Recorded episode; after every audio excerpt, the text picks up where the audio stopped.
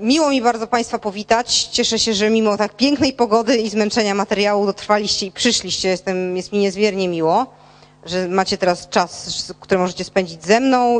Osoby, które były wczoraj na wykładzie mm, pana dyrektora Więckiewicza już pewnie słyszały, bo się przedstawiałam. Nazywam się Magdalena Arczewska, pracuję na Uniwersytecie Warszawskim, jestem socjologiem i prawnikiem i zajmuję się tematyką organizacji pozarządowych, w szczególności współpracy międzysektorowej już od ładnych kilku lat, będzie nastu. E, to, co mnie najbardziej interesuje, to kwestie styku tego, co jest pomiędzy organizacjami i administracją publiczną, konfliktów interesu. E, jestem badaczem, trenerem, e, także jestem też członkiem różnych organizacji pozarządowych, więc patrzę na to również nie tylko jako badacz i obserwator, ale też jako, jako uczestnik, więc, że tak powiem, z, wielu, z wieloma tymi problemami również spotykam się na co dzień.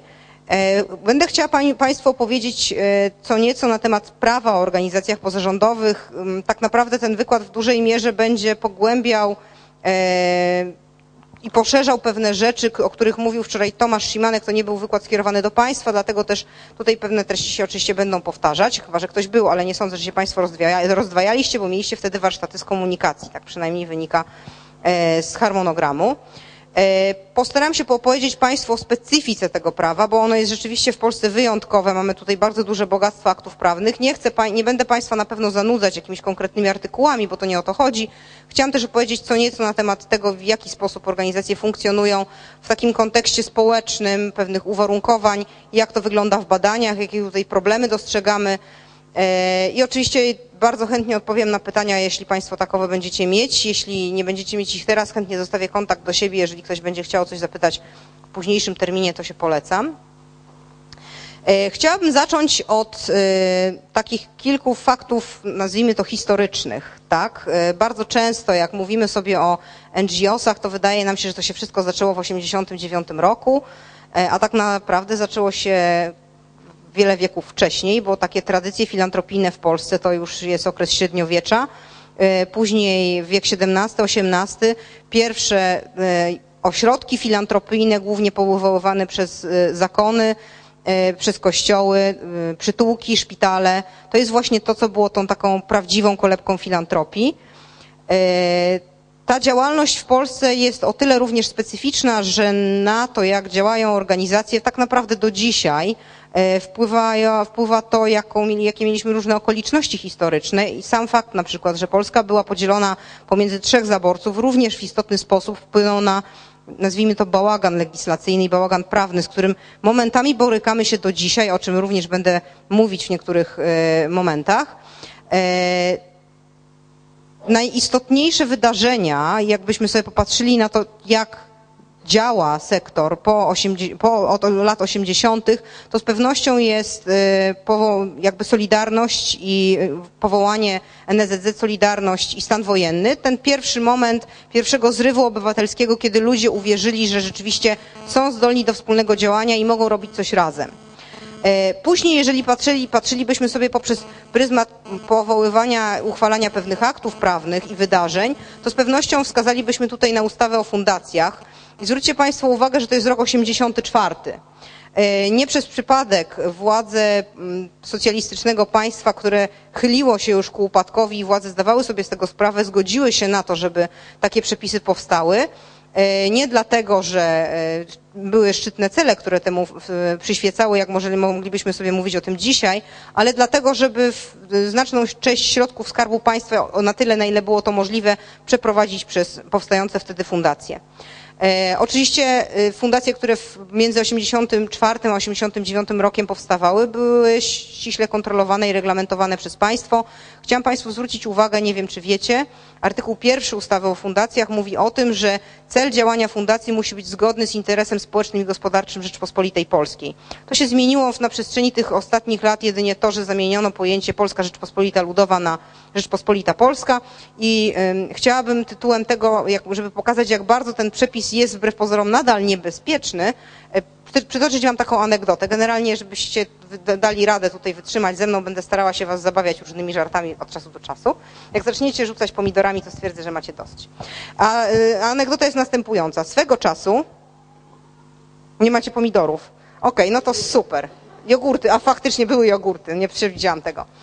E, były, ja się nie znam dokładnie na tym, tutaj jest jakaś terminologia. Ktoś kiedyś mi powiedział, ale ja niestety zapomniałam, ale pewnie Państwo wiecie, wytłumaczę to obrazowo. Jak się buduje autostrady, to buduje się pod autostradami takie małe tuneliki, na przykład dla jeży, dla żabek, tak? I one tam sobie mogą przechodzić, żeby nie straciły żywota pod kołami rozpędzonych samochodów.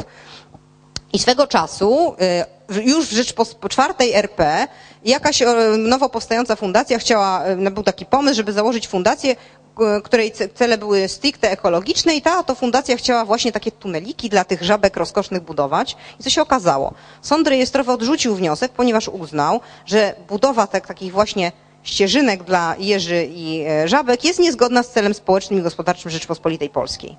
Mówię to o tym Państwu dlatego, żeby uczulić Was na to, że wbrew pozorom, mimo tego, że żyjemy w demokratycznym państwie prawa, takie rzeczy nadal są możliwe. I dochodzimy tu do takiego momentu, który nam się dzisiaj będzie wielokrotnie, jak w etiudzie pojawiał, e, że tak naprawdę nie jest to kwestia prawa, ale jego interpretacji i wykładni. I bardzo często o ten czynnik ludzki, który w prawo się miesza, niestety się rozbijamy, tak jak ten jogurt o mnie rzucony.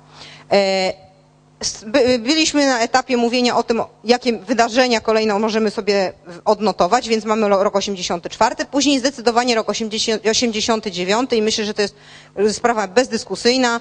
E, pierwsze wolne wybory oraz e, zgoda na to, aby obywatele mogli się stowarzyszać. Powsta uchwalona ustawa prawo o stowarzyszeniach, zgodnie z którą obywatele mogą tworzyć dobrowolne E, e, organizacje zwane stowarzyszeniami. O tym, czym różnią się stowarzyszenia od fundacji powiem Państwu później. Mamy rok 89, idziemy dalej. Z pewnością rok 2003 uchwalona ustawa o działalności pożytku publicznego i o wolontariacie, o której pewnie co nieco wiecie. E, ustawa przez wielu oczekiwana, wypracowywana jak wyczekane dziecko, bo 7 lat zespół ekspertów kierowany, którymi kierował pan profesor Jerzy Hausner, E, tak się akurat złożyło, że kiedy zaczynał pracę, swoją przygodę z polityką i kończył, był, był uwikłany w tę właśnie współpracę na stanowisku podsekretarza stanu w e, Ministerstwie Pracy i Polityki Społecznej. Później to zostało przemianowane na Ministerstwo Gospodarki, Pracy i Polityki Społecznej, żeby nie było za łatwo w nomenklaturze i żeby zmieniać ładnie tabliczki. E, rzeczywiście prace trwały 7 lat. Kiedy te prace się zaczynały, to projekt ustawy nazywał się Ustawa o współpracy administracji publicznej z organizacjami pozarządowymi. I tak naprawdę, żeby być szczerym, to trzeba powiedzieć, nie ma już pana dyrektora, to mogę sobie pozwolić, to tak naprawdę ta ustawa powinna się była tak nazywać i tak naprawdę tego dotyczyć. E, mm, do ustawy o działalności pożytku publicznego powkładano bardzo dużo różnych elementów, które w sumie tworzą pewną spójną układankę, ale w, ja przynajmniej jak patrzę sobie na nowelizację z 2010 roku, będę mówić Państwu, co tam się zmieniło, to widzę, że to już zaczyna trochę wyglądać jak taka szynka, którą się pompuje wodą, żeby była cięższa. I już dochodzimy do takiego poziomu masy krytycznej, która może być przekroczona i zamiast zrobić nowy akt, to się go nowelizuje, czasami bez potrzeby. E, przez wielu ten akt oczekiwany, e, nazywany często konstytucją trzeciego sektora ale tak naprawdę moim zdaniem, jakby tak się dobrze przyjrzeć, to zdecydowanie więcej e, dobrego robi ustawa prawa o stowarzyszeniach niż ustawa o działalności pożytku publicznego. Oczywiście jest to akt bez wątpienia porządkujący, który wprowadza wiele różnych definicji, które były potrzebne, tak? W końcu wiemy, e, jak, czym jest... Już się udało? Wow! To jest moje! Ale się ucieszyłam. Dobrze, uwaga. Co tam mamy dalej? Strzałka. No proszę was, widzicie. Wszystko się zgadza. E, zapomniałam o konstytucji. O tym mówił wczoraj Tomek Szymanek i ja Państwu to też powtórzę, bo to jest niezwykle istotne. W konstytucji przewidziano, w preambule konstytucji, e, to, że nadrzędne znaczenie w, w, kształtowaniu porządku prawnego w Polsce ma zasada pomocniczości. Ta zasada pomocniczości ma bardzo długą tradycję stosowania, wywodzi się z katolickiej nauki społecznej i jest taka parafraza tej zasady, którą, którą często się przytacza i ona rzeczywiście oddaje to, czym ta, co ta zasada mówi. Tak? Tyle państwa, ile koniecznie jest potrzeba, tyle społeczeństwa, ile tylko można. To oznacza tylko tyle, że nie powinniśmy jako państwo ingerować w sprawy, które obywatele chcą brać w swoje ręce i są w stanie sobie z tymi problemami sami poradzić. I dopóki sobie radzą, to państwo jest tylko takim obserwatorem. Tak? Patrzy, czy rzeczywiście jest wszystko w porządku i ingeruje dopiero wtedy, kiedy wykonywanie pewnych zadań, rozwiązywanie problemów ludzi i otaczające ich otoczenie przerasta. Więc mamy rok 97, 98 rok decentralizacja administracji publicznej. E, biorąc pod uwagę fakt, gdzie Państwo pracujecie i czym się zajmujecie, to jest coś, co na pewno dotknęło Was jako działaczy. E, w związku z decentralizacją administracji publicznej e, nastąpiła również decentralizacja funkcji społecznych państwa. Tak to się często nazywa, a biorąc pod uwagę fakt, że bardzo wiele organizacji działających w Polsce działa właśnie w sferze polityki społecznej, pomocy społecznej e, i szerokiego rozumianej sfery usług socjalnych, to właśnie ta decentralizacja funkcji społecznych państwa miała dla nich ogromne znaczenie, bo tak naprawdę wtedy okazało się, że to właśnie organizacje mogą wykonywać pewne zadania, które przypisane są co do zasady administracji publicznej, głównie na tym najniższym poziomie, na poziomie gminy i mogą być przez te organizacje wykonywane szybciej, taniej, sprawniej i efektywniej. Pojawił się tylko wtedy taki problem, który właśnie rozwiązała ustawa o działalności pożytku publicznego, ponieważ w, w latach 90. nie było jeszcze określonych i dookreślonych zasad współpracy międzysektorowej, tak? I y, mówi się często, podaje się takie przykłady dwóch miast, gdzie to bardzo dobrze działało, Kraków i Gdańsk, Gdynia. Mimo tego, że przepisów nie było, to współpraca układała się doskonale. I znowu wracamy do tego leitmotivu, który się już pojawił na początku. Jeżeli się chce, czyli jeżeli ludzie są skłonni do tego, żeby współpracować i ufają sobie, to to doskonale działa i niepotrzebne są do tego przepisy. My zresztą w Polsce mamy tendencję do tego, żeby regulować wszystko, co tylko jest możliwe. E, I ja pamiętam kiedyś na jakimś seminarium pozwoliłam sobie na taką uwagę, że jeszcze trochę, a u, będziemy mieć w Polsce uregulowaną, wysokość krawężników. No co odezwał się mój kolega, pan profesor Stec e, Politechniki Gdańskiej powiedział, a to już mamy uregulowane w rozporządzeniu ministra infrastruktury. E, także to czasami odbija nam się czkawką i również w ustawie o działalności pożytku publicznego są takie zapisy, czy były takie zapisy zmienione nowelizacją, które były rzeczywiście trudne i takie doprecyzowanie, czasami dokręcanie śruby legislacyjnej niestety nie wychodzi nam na zdrowie. E, rok 2004 weszliśmy do Unii Europejskiej. Oczywiście e, abstrahując od tego, że nastąpił dopływ środków, które wbrew pozorom czasami mogą robić organizacjom dużo, dużą krzywdę, ponieważ wtedy organizacje przekształcają się z organizacji, które mają misję ideę działania w coś takiego, co bywa nazywane e, grantożercami albo pożeraczami grantów. Nie jest ważne, jaką mamy misję i ideę, ważne, żebyśmy tylko się załapali na POKL i potem możemy sobie tylko wymieniać 5, 4, 2, 7, 8 i tak dalej, prawda? Które poddziałanie, w którym priorytecie Wszyscy się cieszą, bo wiadomo, że są pieniądze, ale trzeba pamiętać o misji i niestety zdarza się, że są takie organizacje, które przekształcają się w molochy i takich konsumentów środków e, unijnych. E, wejście Polski do Unii Europejskiej miało też takie znaczenie, e, o czym tak naprawdę nie zdawaliśmy sobie sprawy do momentu, kiedy pewne zmiany nas nie zaskoczyły, że w związku z naszym wejściem do Unii musieliśmy dostosować bardzo szeroki wachlarz różnych aktów prawnych do tego prawa unijnego. Podam Państwu taki przykład bardzo obrazowy. E, wtedy, kiedy wchodziliśmy do Unii, e, weszły nowe przepisy ustawy o podatku VAT. Podatek VAT to jest taki podatek obrotowy jego działanie polega na tym, że na każdym kolejnym e, poziomie obrotu, czyli każdy kolejny uczestnik obrotu, to jest dodawany podatek VAT, stąd też właśnie ta nazwa. E, Polska, kiedy e, negocjowaliśmy e, obszar podatki, Ministerstwo Finansów, które jest generalnie mało skore do współpracy z trzecim sektorem, w, po, w porozumieniu z Unią Europejską zadeklarowało pełną zgodność polskich przepisów z prawem unijnym, z szóstą dyrektywą Unii Europejskiej, to jest taka dyrektywa z, lat, z roku 77, w obszarze podatki. I mm, pan dyrektor Więckiewicz mówił wczoraj na wykładzie coś takiego, że czasami jest bardzo mało czasu, żeby sprawdzić, czy jakiś, e, a na przykład departament dostaje jakiś akt do zaopiniowania, jest mało czasu, żeby sprawdzić, czy jest coś tam, co jest niebezpieczne dla trzeciego sektora, więc wpisuje się Ctrl F i wpisuje się na przykład pożytek publiczny albo organizacja pozarządowa. Jak nic nie wyskakuje, to znaczy, że można spać spokojnie. I to jest bardzo e, niestety złudne.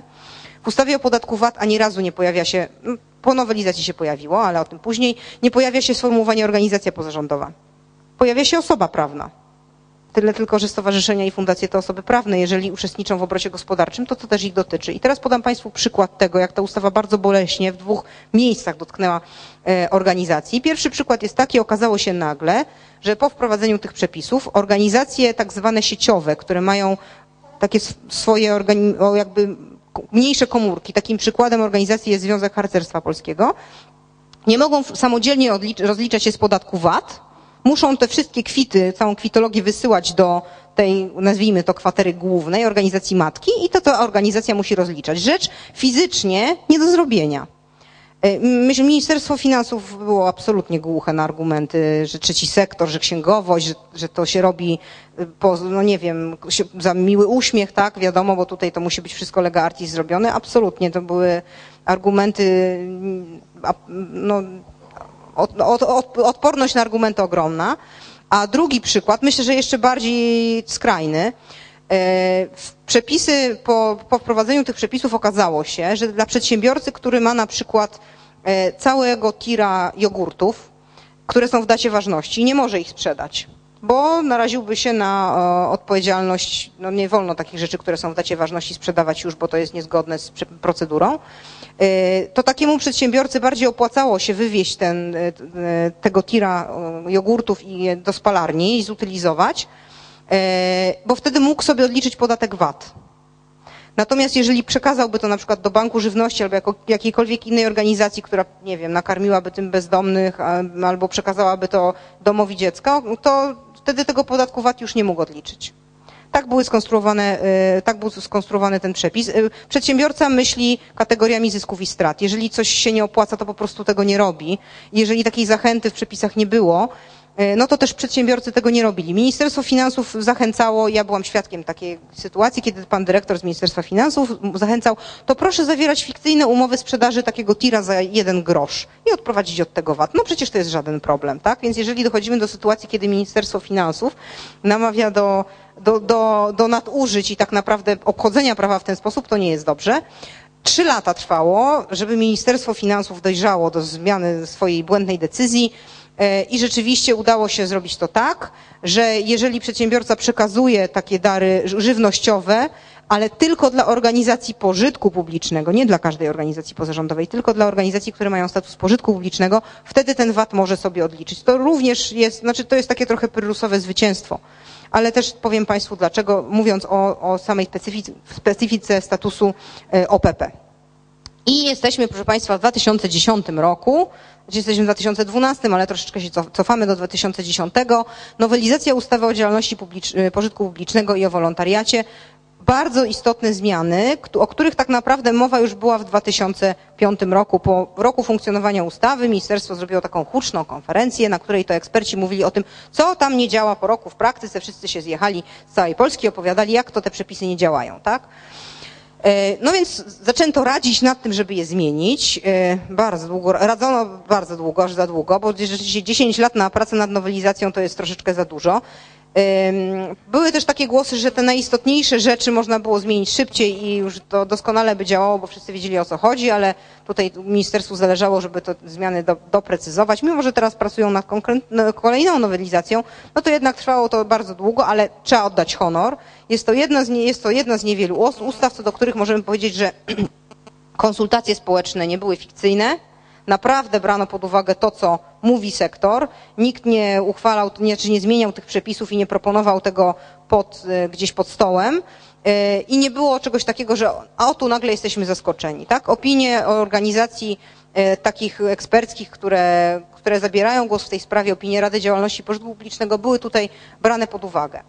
Co, tak, co istotnego zmieniła ta ustawa? Zmieniła na przykład coś, co myślę, że Państwa również może dotyczyć, a mianowicie do ustawy dodano taki zapis, że członek stowarzyszenia, e, który wykonuje na jego rzecz pracę, może być traktowany jak wolontariusz. E, zmiana z pozoru błaha, ale tak naprawdę bardzo istotna, ponieważ daje to możliwość członkom stowarzyszenia, które na ich rzecz pracują, na przykład możliwość ubezpieczenia. Wcześniej tego nie było. E, co jeszcze zmieniła, zmieniono w tej nowelizacji z ważnych rzeczy? Na przykład wprowadzono coś takiego, e, że niewielkie środki mogą być przekazywane poza procedurą konkursową. To są tak zwane małe granty. I to jest bardzo ważne, E, I tak naprawdę życie zweryfikowało właśnie takie procedury, kiedy okazało się podczas jednej z kolejnych powodzi w Polsce, że są organizacje działające lokalnie, które się rwą do pomocy i są w stanie te szkody naprawiać, pomagać ludziom, ale oczywiście zgodnie z procedurą trzeba zrobić konkurs, tak? Zrobić konkurs, przekazać środki, to trwa, a organizacja mogłaby już w terenie działać. I ustawa wprowadziła taką możliwość, można przekazać do 10 tysięcy złotych. Tu są oczywiście pewne ograniczenia kwotowe w roku, a wynika to z tego, żeby nie dochodziło do nadużyć. Możemy sobie wyobrazić sytuację, sytuacje. Ja dzisiaj miałam na warsztatach taki przypadek. Pani mówiła, że ona jest, mąż jest wójtem, a ona jest prezesem stowarzyszenia, tak?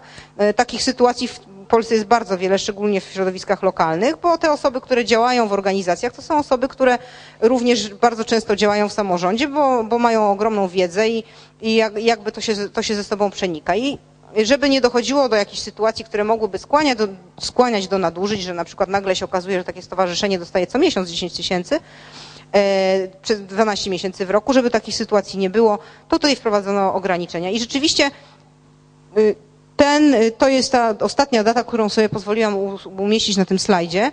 E, bardzo istotna i teraz tak naprawdę okiem badacza wystarczy nam patrzeć, co będzie się działo dalej, co też nowego nam e, nasi szanowni legislatorzy zgotują. Zmian jeszcze jest, proszę Państwa, cała masa, które powinny być wprowadzone. O tym też będę mówić za chwilę i będę starała się Wam pokazać dlaczego i na co, na co też w takiej codziennej działalności należy uważać. A teraz tak, chciałabym bardziej popatrzeć sobie na to nie przez wydarzenia, ale popatrzeć na to jako, pe, taki pewien proces. Jak popatrzymy sobie na statystyki, co się działo w polskim sektorze, po 1989 roku, to bardzo wyraźnie widać, że następuje coś takiego, co w literaturze jest nazywane efektem zdjętej pokrywki. Jak gotujemy wodę w garnku, E, i zdejmujemy pokrywkę, to tak bucha gorąco. Tak samo jest jak otwieramy piekarnik, prawda? Lepiej się odsunąć, bo wtedy też bucha gorąco. I tak samo było z rozwojem organizacji pozarządowych w Polsce po 1989 roku. Lawinowo powstawało, no bo ci wszyscy, którzy już czekali, żeby zacząć coś robić, zaczęli tworzyć swoje organizacje, ale to, to wiadomo, tak jak dziecko ma ukochaną zabawkę, po jakimś czasie ta zabawka już ląduje w kącie, bo się pojawia jakiś inny obiekt wymarzony, który musi być koniecznie kupiony, bo jest najwspanialszy i najlepszy. E, jakby sektor się nasycił, tak? Ludzie nasycili się sektorem, sektor się nasycił. W połowie lat 90. widzimy ewidentnie taką stagnację i przechodzimy do następnego etapu takiego troszeczkę zmęczenia materiału, tak? Bo już działamy, bo chcemy działać, ale nie ma procedury. E, to, co mówiłam wcześniej, jeżeli się chce, są takie przypadki w Polsce, e, nie ma problemu, można działać i bez prawa, ale tak naprawdę jeżeli są pewne trudności natury ludzkiej, braku zaufania, niechęci, nazwijmy to również bojaźni, o to, że na przykład przyjdą tacy z organizacji i nie daj Boże na przykład pracę nam zabiorą, bo takie myśli również czarne się pojawiały, e, co po niektórych samorządowców, to procedury są potrzebne. Stąd też właśnie konieczność wprowadzenia e, przepisów e, i rzeczywiście ta druga, druga połowa lat 90. poświęcona właśnie określeniu tym zasad, określeniu zasad współpracy. I tak naprawdę teraz to, co się dzieje, to co wspomniałam, to jest porządkowanie tych relacji i przymiarki do kolejnych zmian. E, myślę sobie, że te zmiany, nad którymi w tej chwili pracuje ministerstwo, są takie dosyć zachowawcze, a na rewolucyjne przyjdzie pora. O tym Wam powiem za chwileczkę. Ten slajd pozwolę sobie zmienić. E, o zasadzie pomocniczości wspomniałam. Tyle, tyle społeczeństwa, ile tylko y, można, tyle państwa, ile koniecznie potrzeba. W ustawie o działalności pożytku publicznego wpisano y, kilka kluczowych zasad, które mają przyświecać tej współpracy. Te same zasady wpisane są również, proszę Państwa, w ustawie o pomocy społecznej i myślę sobie, że jak przejrzymy sobie programy współpracy, które w różnych jednostkach administracji są tworzone, programy współpracy z organizacjami pozarządowymi, to te zasady współpracy są tam również e, przytaczane jako takie kluczowe. E, one są bardzo dobrze wytłumaczone w komentarzu do ustawy, którą komentarz i ustawę pisał pan profesor Izdebski, więc autor wiedział, co miał na myśli. Oprócz zasady pomocniczości, zasada suwerenności stron i tego chyba nie trzeba tłumaczyć, bo jakby samo pojęcie jest dosyć oczywiste. Mamy do czynienia z niezależnymi, pytanie tylko czy partnerami, bo jeżeli mówimy o partnerstwie, to zakładamy pewną równość relacji, a tutaj niestety nie do końca tak jest i też nigdy nie będzie, bo to administracja publiczna jest tym, który zleca i daje pieniądze, a organizacja jest tym, który wykonuje, więc tu pewien rodzaj władztwa momentami występuje. Y, więc mamy do czynienia z zasadą suwerenności, zasadą partnerstwa i trzy kolejne zasady, zasada efektywności i uczciwej konkurencji i na kolejnym slajdzie będzie zasada jawności.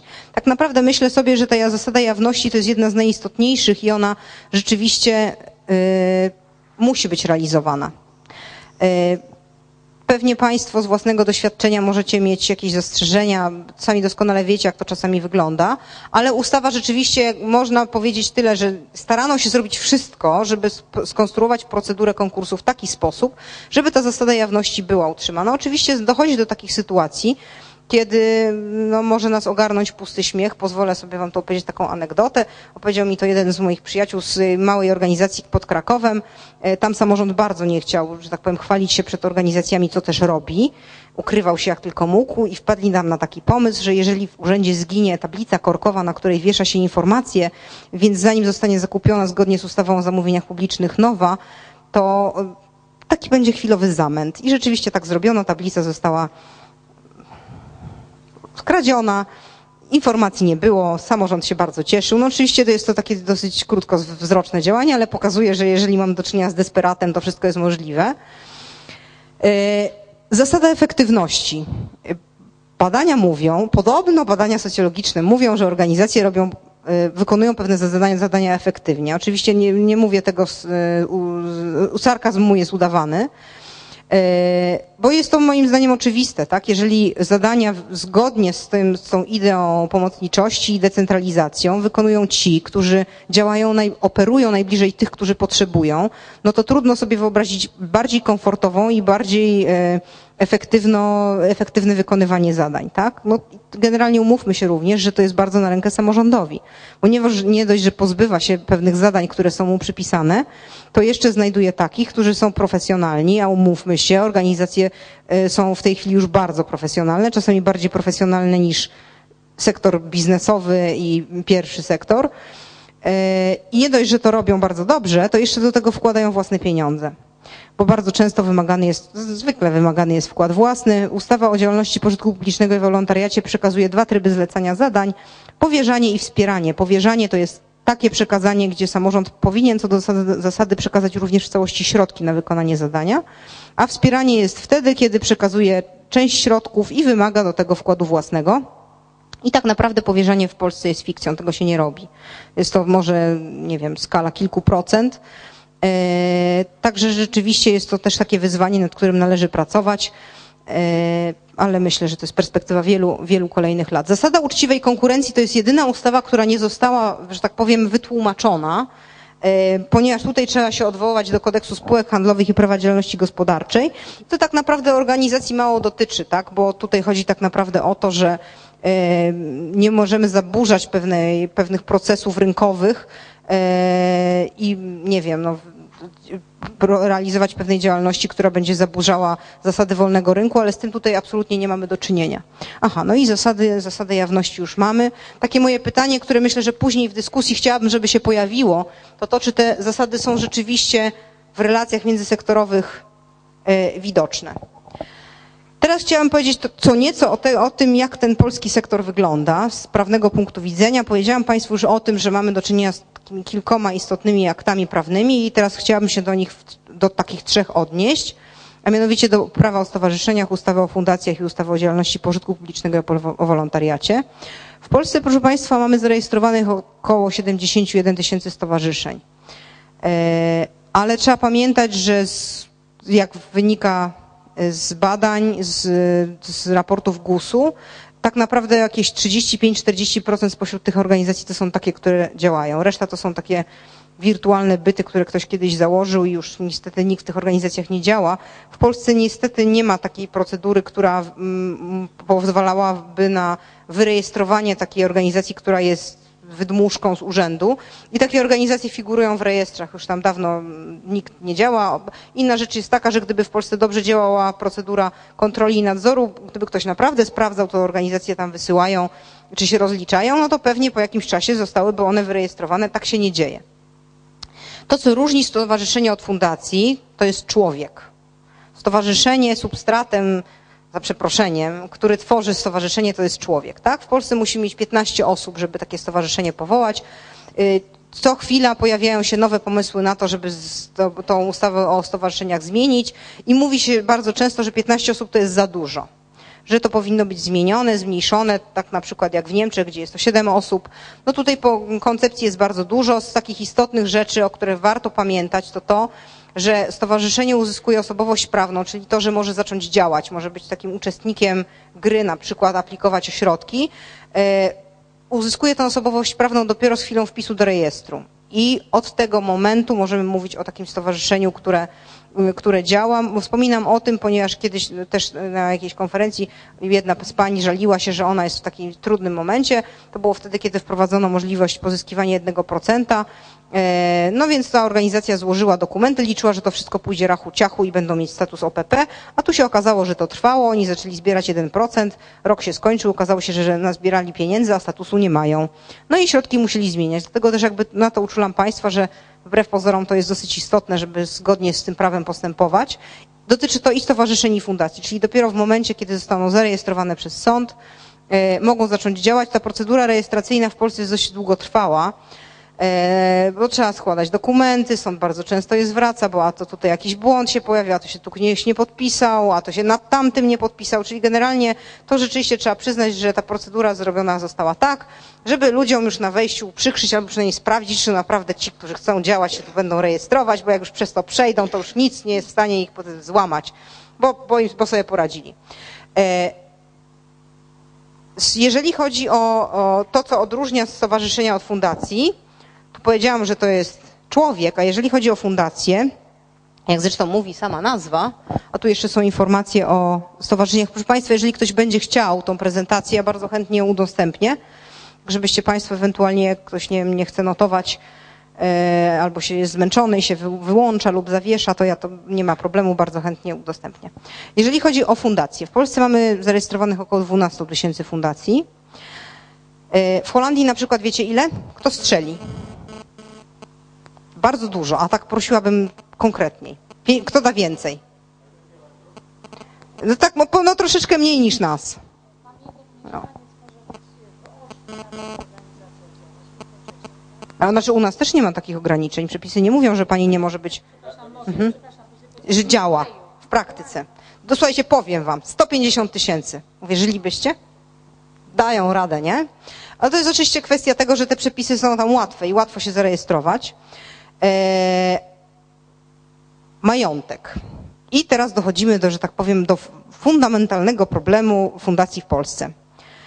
Większość fundacji w Polsce nie dotyczy to fundacji, która nas tutaj dzisiaj zaprosiła, e, aczkolwiek i tak bym o tym opowiedziała, gdyby tak nie było. Większość takich fundacji, które w Polsce działają, to są tak zwane fundacje żebracze. Nie ja je tak brzydko nazywam, to ktoś wymyślił. Fundacje żebracze to takie, czyli takie, które są zakładane, z taką ideę fix, żeby rozwiązywać jakieś problemy, a potem dopiero jest pomysł na to, skąd na to wziąć środki, tak? I bardzo dużo takich organizacji powstaje, nie wiem, no na przykład fundacje imienia kogoś, kto chorował albo był znany, tak? Coś mu się stało, właśnie z myślą taką, żeby rozwiązywać podobne problemy albo pomagać osobom w podobnej sytuacji. Dlaczego żebracze? Dlatego, że zwróćcie Państwo uwagę, sama nazwa mówi fundacja z łacińskiego znaczy, że fundujemy, przekazujemy majątek na coś, tak? Teoretycznie, zgodnie z ustawą, fundator y, powinien przekazać jakąś masę majątkową na realizację celów fundacji, ale przepisy nie mówią, ile to ma być. Przepisy ograniczają się tylko do takiego sformułowania, że jeżeli fundacja ma prowadzić działalność gospodarczą, no to ten majątek musi przekraczać tysiąc złotych. Ale tak naprawdę o, o tym, że taki jakiś kapitał założycielski w konkretnej wysokości musi być, nie. To też może się okazać, że Takiego majątku wcale nie ma. I to odróżnia nas w sposób drastyczny od fundacji w Europie Zachodniej. Od dużych, czy na przykład w Stanach Zjednoczonych, gdzie są fundacje, które mają ogromny potencjał, majątek, i na przykład to też pokazuje, to też rzutuje na kolejne przepisy. W Polsce nie jest uregulowany stan kapitału żelaznego, czyli takiego majątku, który fundacja może obracać, może pomnażać i z tych pomnożonych, te pomnożone środki e, e, przeznaczać na realizację różnych celów statutowych. U nas tak naprawdę takich organizacji jest garść, które mają takie środki i mogą sobie na to pozwolić, bo na przykład dostały z dużych fundacji zagranicznych e, środki, na przykład Fundacja Batorego w ten sposób powstała, tak zostały te środki, które ma Batory, zostały przekazane przez, przez George'a Sorosza Batory postawił sobie piękną siedzibę, którą w większości oprócz jednego piętra, gdzie sami, sami urzędują, wynajmują i mają bardzo dużo pieniędzy, którą mogą finansować, na przykład wspierając sektor obywatelski na Białorusi. Tak? Rzadko która organizacja może sobie na to pozwolić, bo sama startuje w konkursach, żeby mieć pieniądze. A to jest organizacja, która sama w stanie swoje pieniądze jest w stanie przekazywać dalej. Takich organizacji jest kilka, ale tak naprawdę to pokazuje dużą słabość sektora. Mówiąc o fundacjach, trzeba też zwrócić uwagę na rzecz zasadniczą. Pamiętajcie Państwo, że my mamy tak naprawdę taką przerwę w, życiorys, w życiorysie, jeżeli chodzi o fundację, pomiędzy rokiem 52 a 84.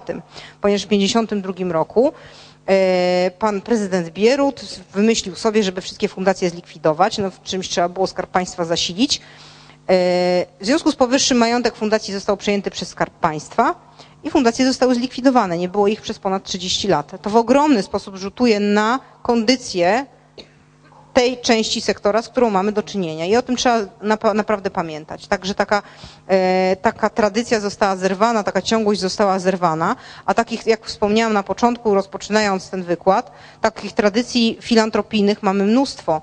E, nie wiem, czy Państwo wiecie, jest w Warszawie najstarszy dom dziecka, dom dziecka numer jeden.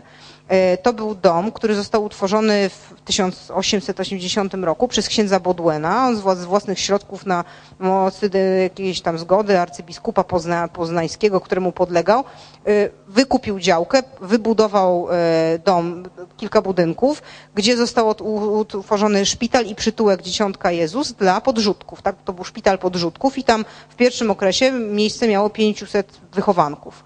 I ten dom dziecka funkcjonuje do dzisiaj po różnych zmianach. Był państwowy, potem samorządowy. E, Zakład imienia Osolińskich to również była fundacja. Szkoła Główna Handlowa w Warszawie to była również fundacja. E, I my o tym dzisiaj mówiąc o, o tego typu działaniach nie, nie, pamiętamy o tym, ponieważ ten, tak jak wspomniałam, ten, ta tradycja e, została w istotny sposób nadszarpnięta, została przecięta. Fundacja może powstać na dwa sposoby, to też tylko o tym wspomnę, ale pewnie Państwo wiecie to z praktyki. Albo może y, powstać, zostać powołana za życia fundatora, tak, który przekazuje swój majątek i robi to w drodze aktu notarialnego, albo może być to czynność mortis causa, czyli po śmierci i fundator leżąc na łożu śmierci wpisuje w testamencie, że nie, bar, nie lubi swoich dzieci i on teraz cały majątek przekazuje na jakąś tam działalność szczytną, możemy sobie wyobrazić. I to jest inny schemat powstawania fundacji, czyli albo za życia albo po śmierci. Też fundacja powstaje tak jak stowarzyszenie, znaczy nabywa osobowość prawną z chwilą wpisu do rejestru. I stowarzyszenie, i fundacja może prowadzić działalność gospodarczą. E, był swego czasu, kiedy tak intensywnie i długo pracowano nad nowelizacją ustawy o działalności pożytku publicznego przez te pięć lat, był taki pomysł, który spotkał się z ogromną falą krytyki sektora, bo trudno mi sobie wyobrazić, żeby ta zmiana została wprowadzona chyba myślę, taczki poszłyby w ruch. A mianowicie pomysł był następujący, żeby wprowadzić taki, taką klauzulę, że organizacje, które nabywają status pożytku publicznego, nie mogą prowadzić działalności gospodarczej. E, ministerstwo dosyć szybko z tego zapisu się wycofało. Chyba w dwóch projektach nowelizacji próbowano go gdzieś tam nogą, kolanem wcisnąć, ale tutaj, że tak powiem, organizacje trzymały rękę na pulsie i bardzo był silny sprzeciw. Znaczy to, generalnie też trzeba sobie powiedzieć, tak naprawdę działalność gospodarcza bardzo często dla organizacji, które, które ją prowadzą, o ile ją prowadzą, bo wiele, wiele organizacji ma wpisane w statuty możliwość prowadzenia działalności gospodarczej i nigdy jej nie prowadziły i nie prowadzą. E, dla organizacji, które, które prowadzą działalność gospodarczą, no jest, to jest to jedno z niewielu źródeł zysku, bo trzeba pamiętać, że to, co w głównej mierze finansuje działalność organizacji, to są środki publiczne. Ponad 60% to są środki publiczne, bo trzeba pamiętać o tym, że tak naprawdę środki pochodzące z spadków, darowizn czy składek członkowskich, no to jest niedostrzegalna kropla w morzu. W związku z powyższym na tą działalność gospodarczą trzeba liczyć. To jest bodaj 9% wszystkich dochodów, z których korzystają organizacje pozarządowe, czyli dosyć sporo.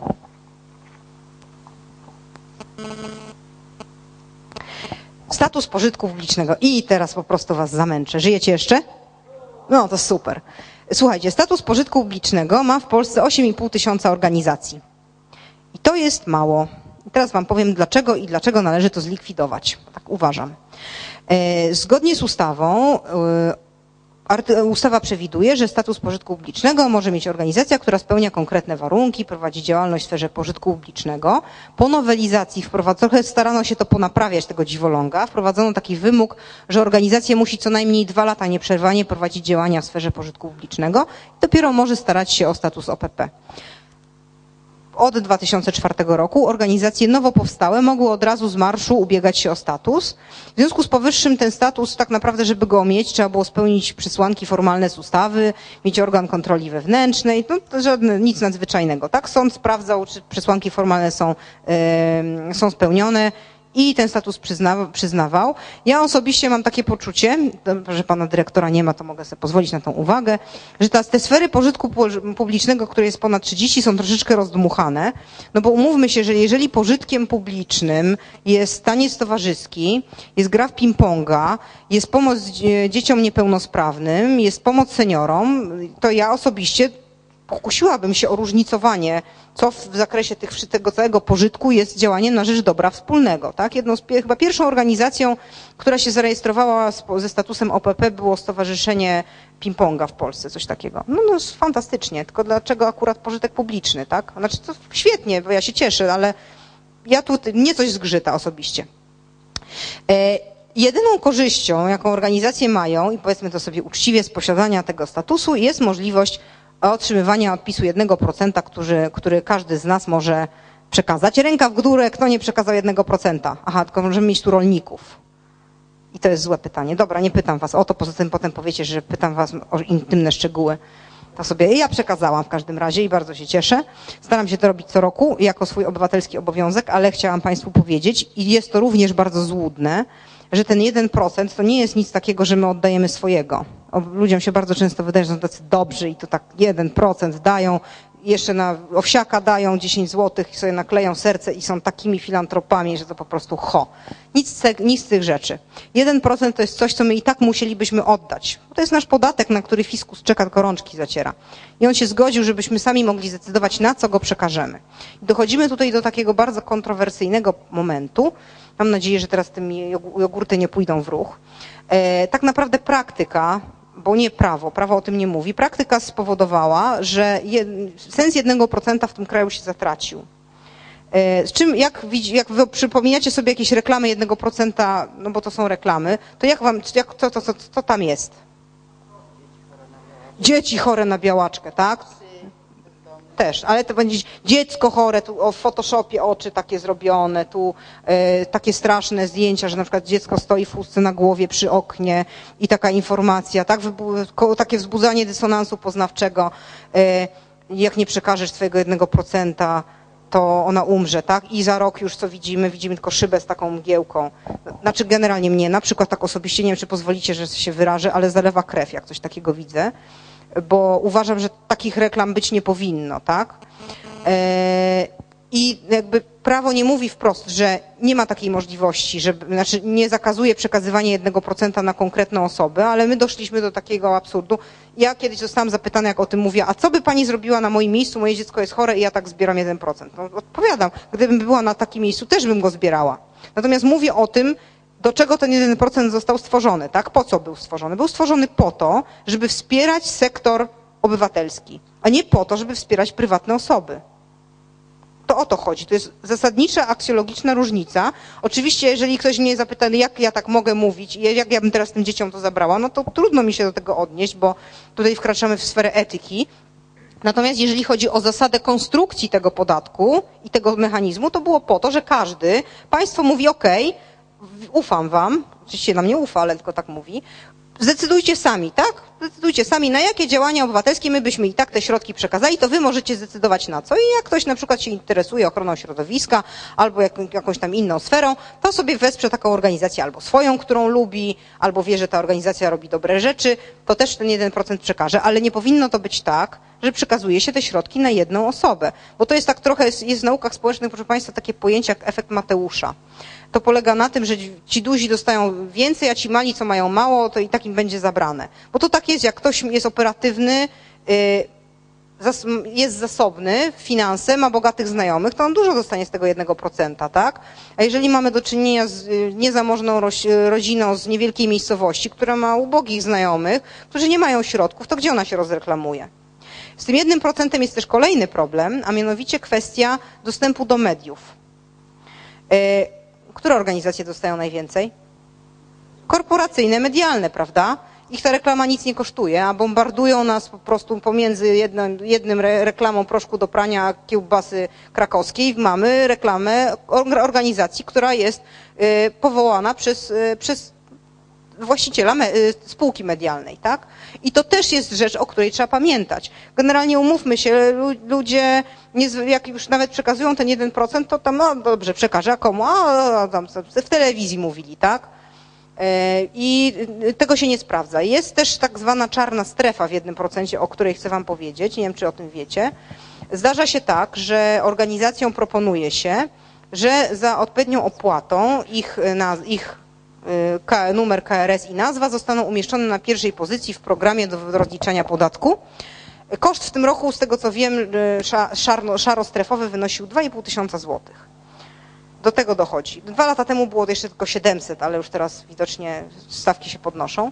I jak to, jak to wygląda, tak? Nic, niczego nieświadomy podatnik wypełnia sobie PIT, nawet nie widzi, że tam, bo tam już może być coś zaznaczone. Są też takie programy, w których nie można zmienić organizacji, która już została wpisana. I też jakby ja rozumiem, że na przykład organizacja sama robi taki program i pisze na płycie, tak? Skorzystaj z naszego programu i jeżeli z niego skorzystasz, oddasz nam 1%, my to tutaj wpisujemy. Tak jest, uprzedzamy cię o tym. Nie jesteś zrobiony w trąbę. Ale bardzo często ludzie wypełniając tego pita i teraz obgryzając paznokcie, żeby się gdzieś nie pomylić, bo jeszcze urząd skarbowy nas wezwie, nic miłego. E, ludzie rozliczają i nawet nieświadomie jakby zatwierdzając to wszystko, nie zdają sobie sprawy, że właśnie przekazali 1%, tak? Y, taka sytuacja miała miejsce w jednej organizacji w Krakowie. Jakiś pan informatyk słyszał o jakiejś organizacji lokalnej, no i tak wpisał. Dwa miliony dostali. E, I jakby na to też Państwa uczulam, tak? I jakby to też pokazuje, nie mówię tu o tym, żebyście nie pomyśleli, że ja uważam, że 1% jest niedobry, jest bardzo dobry, tylko że jakby pokazuje, że jeden, jeden przepis, bo to, to reguluje tylko jeden artykuł w ustawie o podatku dochodowym od osób fizycznych, bo to tego odsyła ustawa o działalności pożytku publicznego, to jest nasza ogromna odpowiedzialność, co my zrobimy z tymi pieniędzmi. Słuchajcie, w zeszłym roku to było 400 milionów złotych. Nie leży na ulicy. E, był taki pomysł, jak e, powstawał Fundusz Inicjatyw Obywatelskich, o których wczoraj też pan dyrektor Więckiewicz co nieco mówił.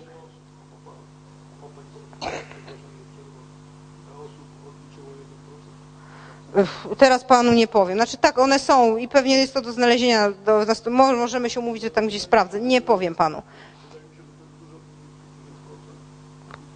Znaczy nie wiem, z szacunków Ministerstwa Finansów wynika, że jeżeli by rozliczyli wszyscy, którzy mogą, to jest jeszcze 200 milionów złotych wakujące. Ale oczywiście bierzmy pod uwagę to, że tak naprawdę wiele osób tego 1% nie może odliczyć, tak? Emeryci i renciści. Rolnicy, tak? Więc jakby tutaj mamy całą, cały taki, taką, taki szary obszar e, na tej mapie populacyjnej osób, które po prostu tego zrobić nie mogą, bo prawo im to uniemożliwia albo znacznie utrudnia, nazwijmy to w ten sposób. E, był taki pomysł, jak powstawał ten Fundusz Inicjatyw Obywatelskich i tak, jeżeli pan się zdecyduje, żeby sam się rozliczyć. Ilu emerytów to robi? Dobra, okej, okay, ale to pan jest wyjątkiem potwierdzającym regułę. Bardzo niewielu, bardzo niewielu emerytów to robi. Jest też kwestia takiej jakby świadomości prawnej umiejętności robienia tego, tak? Znaczy generalnie dla, za, dla świętego spokoju robi to za mnie Zakład Ubezpieczeń Społecznych, a Zakład Ubezpieczeń Społecznych nie będzie się bawił w takie zabawy z jednym procentem. E, pozwólcie, że dokończę tą myśl. Był taki pomysł, jak powstawał Fundusz Inicjatyw Obywatelskich i ten mechanizm jednego procenta. Ministerstwo Pracy wtedy mówiło to tyle, ile obywatele dadzą na 1%, to my damy na fundusz. No i wyobraźcie sobie teraz, żeby mieli na ten Fundusz Inicjatyw Obywatelskich dać 400 milionów milionów, w ogóle budżetu na to nie stać. Ale to też pokazuje, jak bardzo rośnie świadomość. Dużo się zmieniło w 2008 roku, bo wprowadzono w Polsce taki model, który funkcjonował na Węgrzech. Jakbyście mieli wątpliwości, to przez trzy lata Ministerstwo Finansów mówiło, że to Seneda. Nie, w ogóle nie było możliwości absolutnie żadnej, bo wcześniej było tak, że podatnik sobie musiał wyliczyć, pójść na pocztę, zapłacić 2,70, przelać, a potem czekał na zwrot. Tak? A teraz jest tak, że podatnik sobie wpisuje i naczelnik urzędu, znaczy jakaś pani, którą naczelnik tam na jej nakaże, to robi to, tylko wystarczy wpisać nazwę i numer KRS, ale urzędy skarbowe absolutnie, czy nie, Ministerstwo Finansów twierdziło, że to jest nie do zrobienia, że urzędy skarbowe są tak zajęte, że w ogóle plakatów w urzędach skarbowych się nie będzie wieszać o jednym procencie, jak obywatel się bardzo będzie chciał dowiedzieć, że może przekazać, to może gdzieś znajdzie, ale zasadniczo nie należy mu tego ułatwiać. W związku z powyższym, nie wiem, czy kojarzycie zapiski na pudełku od zapałek Umberto Eco? To polecam, jest taki felieton o tym, jak powinna funkcjonować biblioteka publiczna. To tak mniej więcej podobne rozmowy z Ministerstwem Finansów wyglądają, tak? Czyli utrudnijmy obywatelom wszystko, y, ukryjmy wszystkie informacje o jednym procencie, a jak znajdą, to no to trudno, a nuż jeszcze przekażą. No. Tak się zdarza. Dobrze, więc ja tutaj sobie tak pływam po tym jednym procencie, jak po jeziorze Maruzek, Marus. E, a właśnie, to i tak, czy warta świeczka, już tam, skóra za wyprawkę, skórka za wyprawkę, więc mamy ten 1%. Wiele organizacji się tak rzuciło jak szczerbaty na suchary. E, tu będziemy mieć pieniądze z 1% i dostali 30 zł, tak?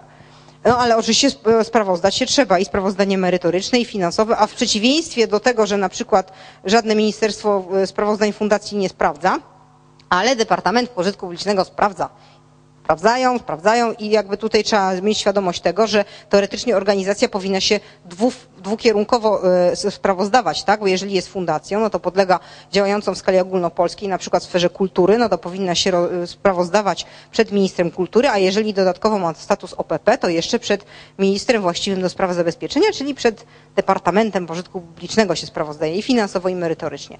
I generalnie jest, są też takie organizacje, które zrezygnowały ze statusu, bo się to po prostu nie opłaca, no bo jeżeli z tego 1% jest 30 zł, a trzeba tą całą kwitologię załatwić, to po prostu nie ma to sensu. No chyba, że rzeczywiście ktoś dostaje 7 milionów, tak? No to wtedy można ewentualnie zastanowić się, czy warto.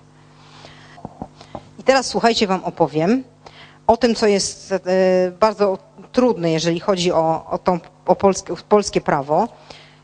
Tak powinno być jak w Niemczech. Ja tak sobie to wyobrażam. Mamy kodeks cywilny i mamy ordynację podatkową. Tak? W kodeksie cywilnym mamy, coś mnie tu zaatakowało, jakiś owad.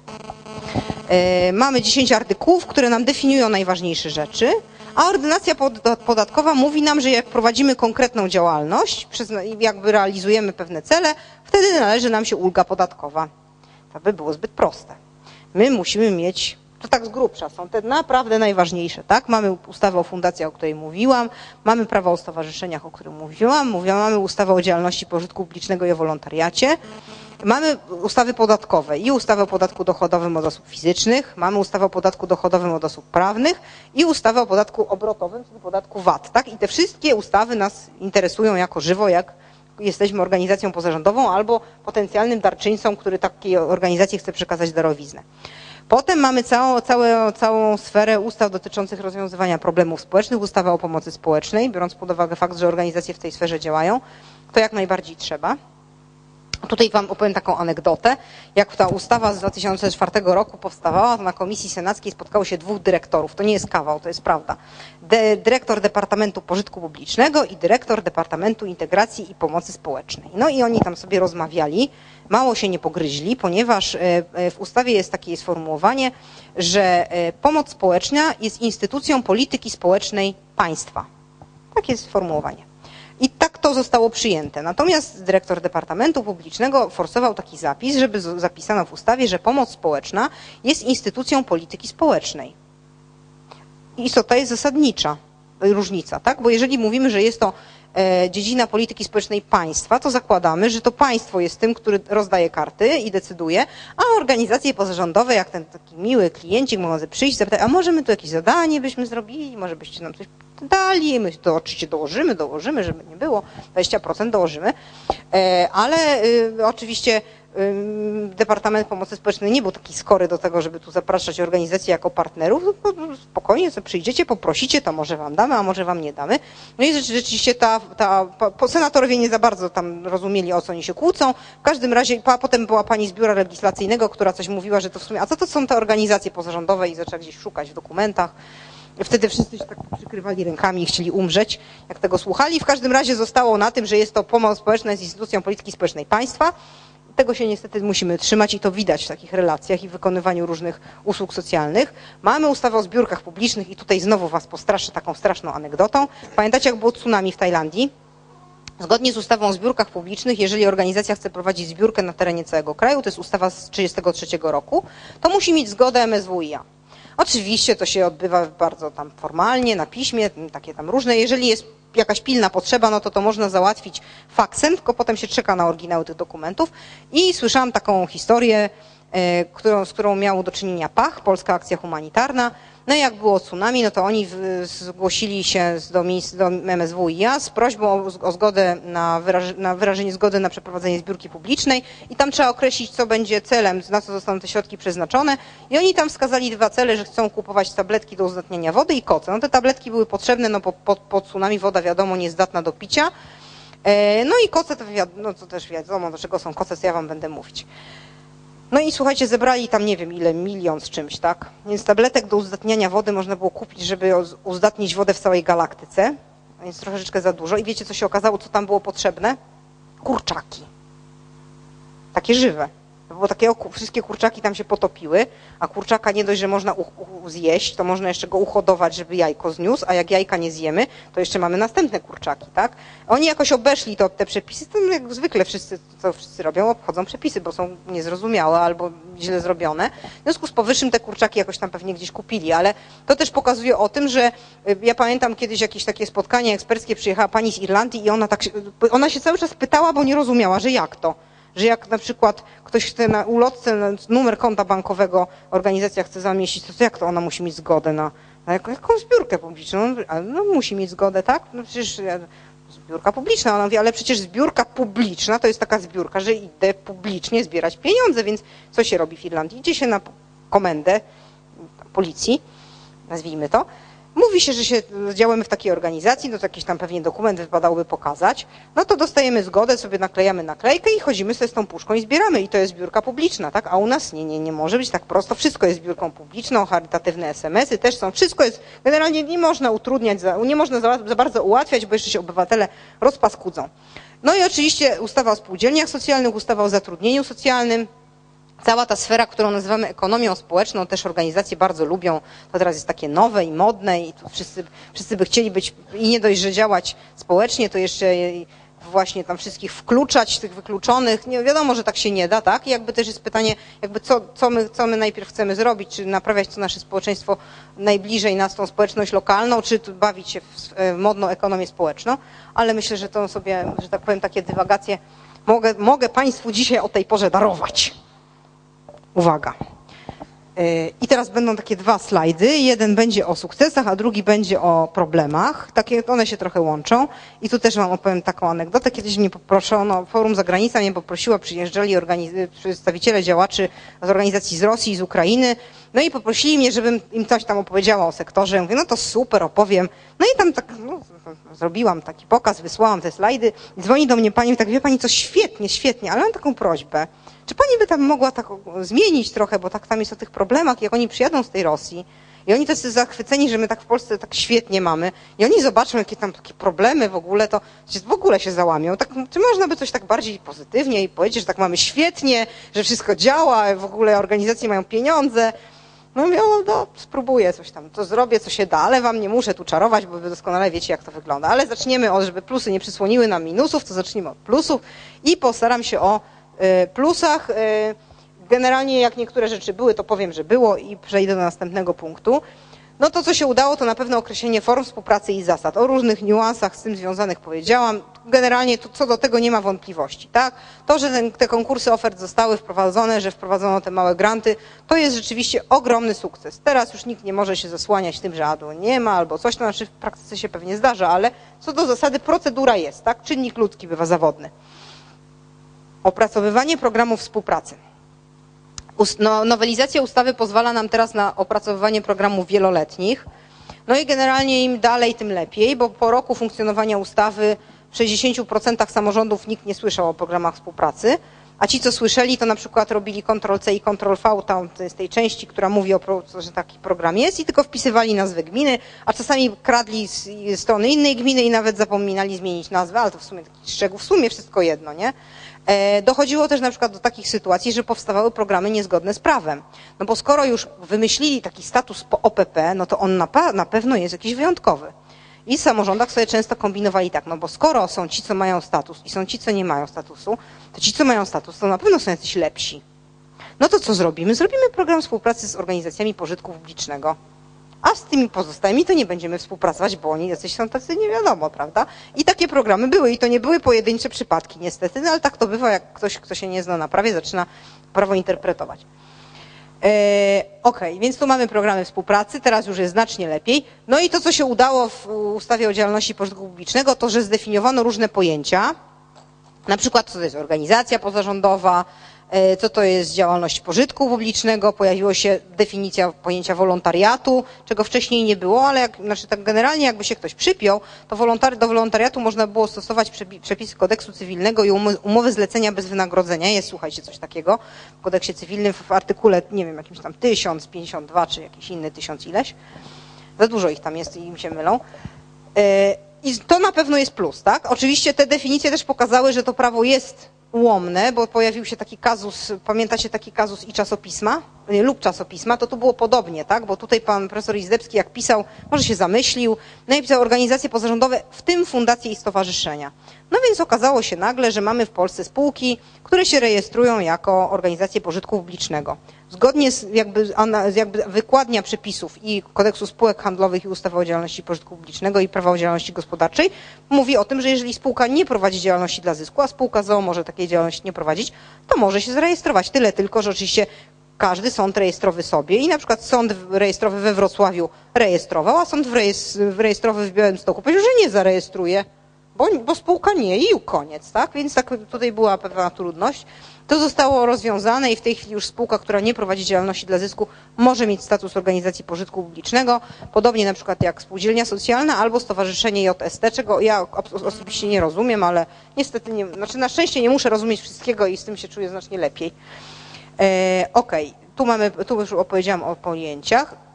Tematyka wolontariatu, to kolejny temat rzeka. Z wolontariatem to niestety też jest troszeczkę tak, jak powiedziałam, ze fundacjami, e, ponieważ e, kto z Państwa w czynie społecznym pracował? No właśnie, kto nie pracował? Lubiliście, nie? Lubiliście?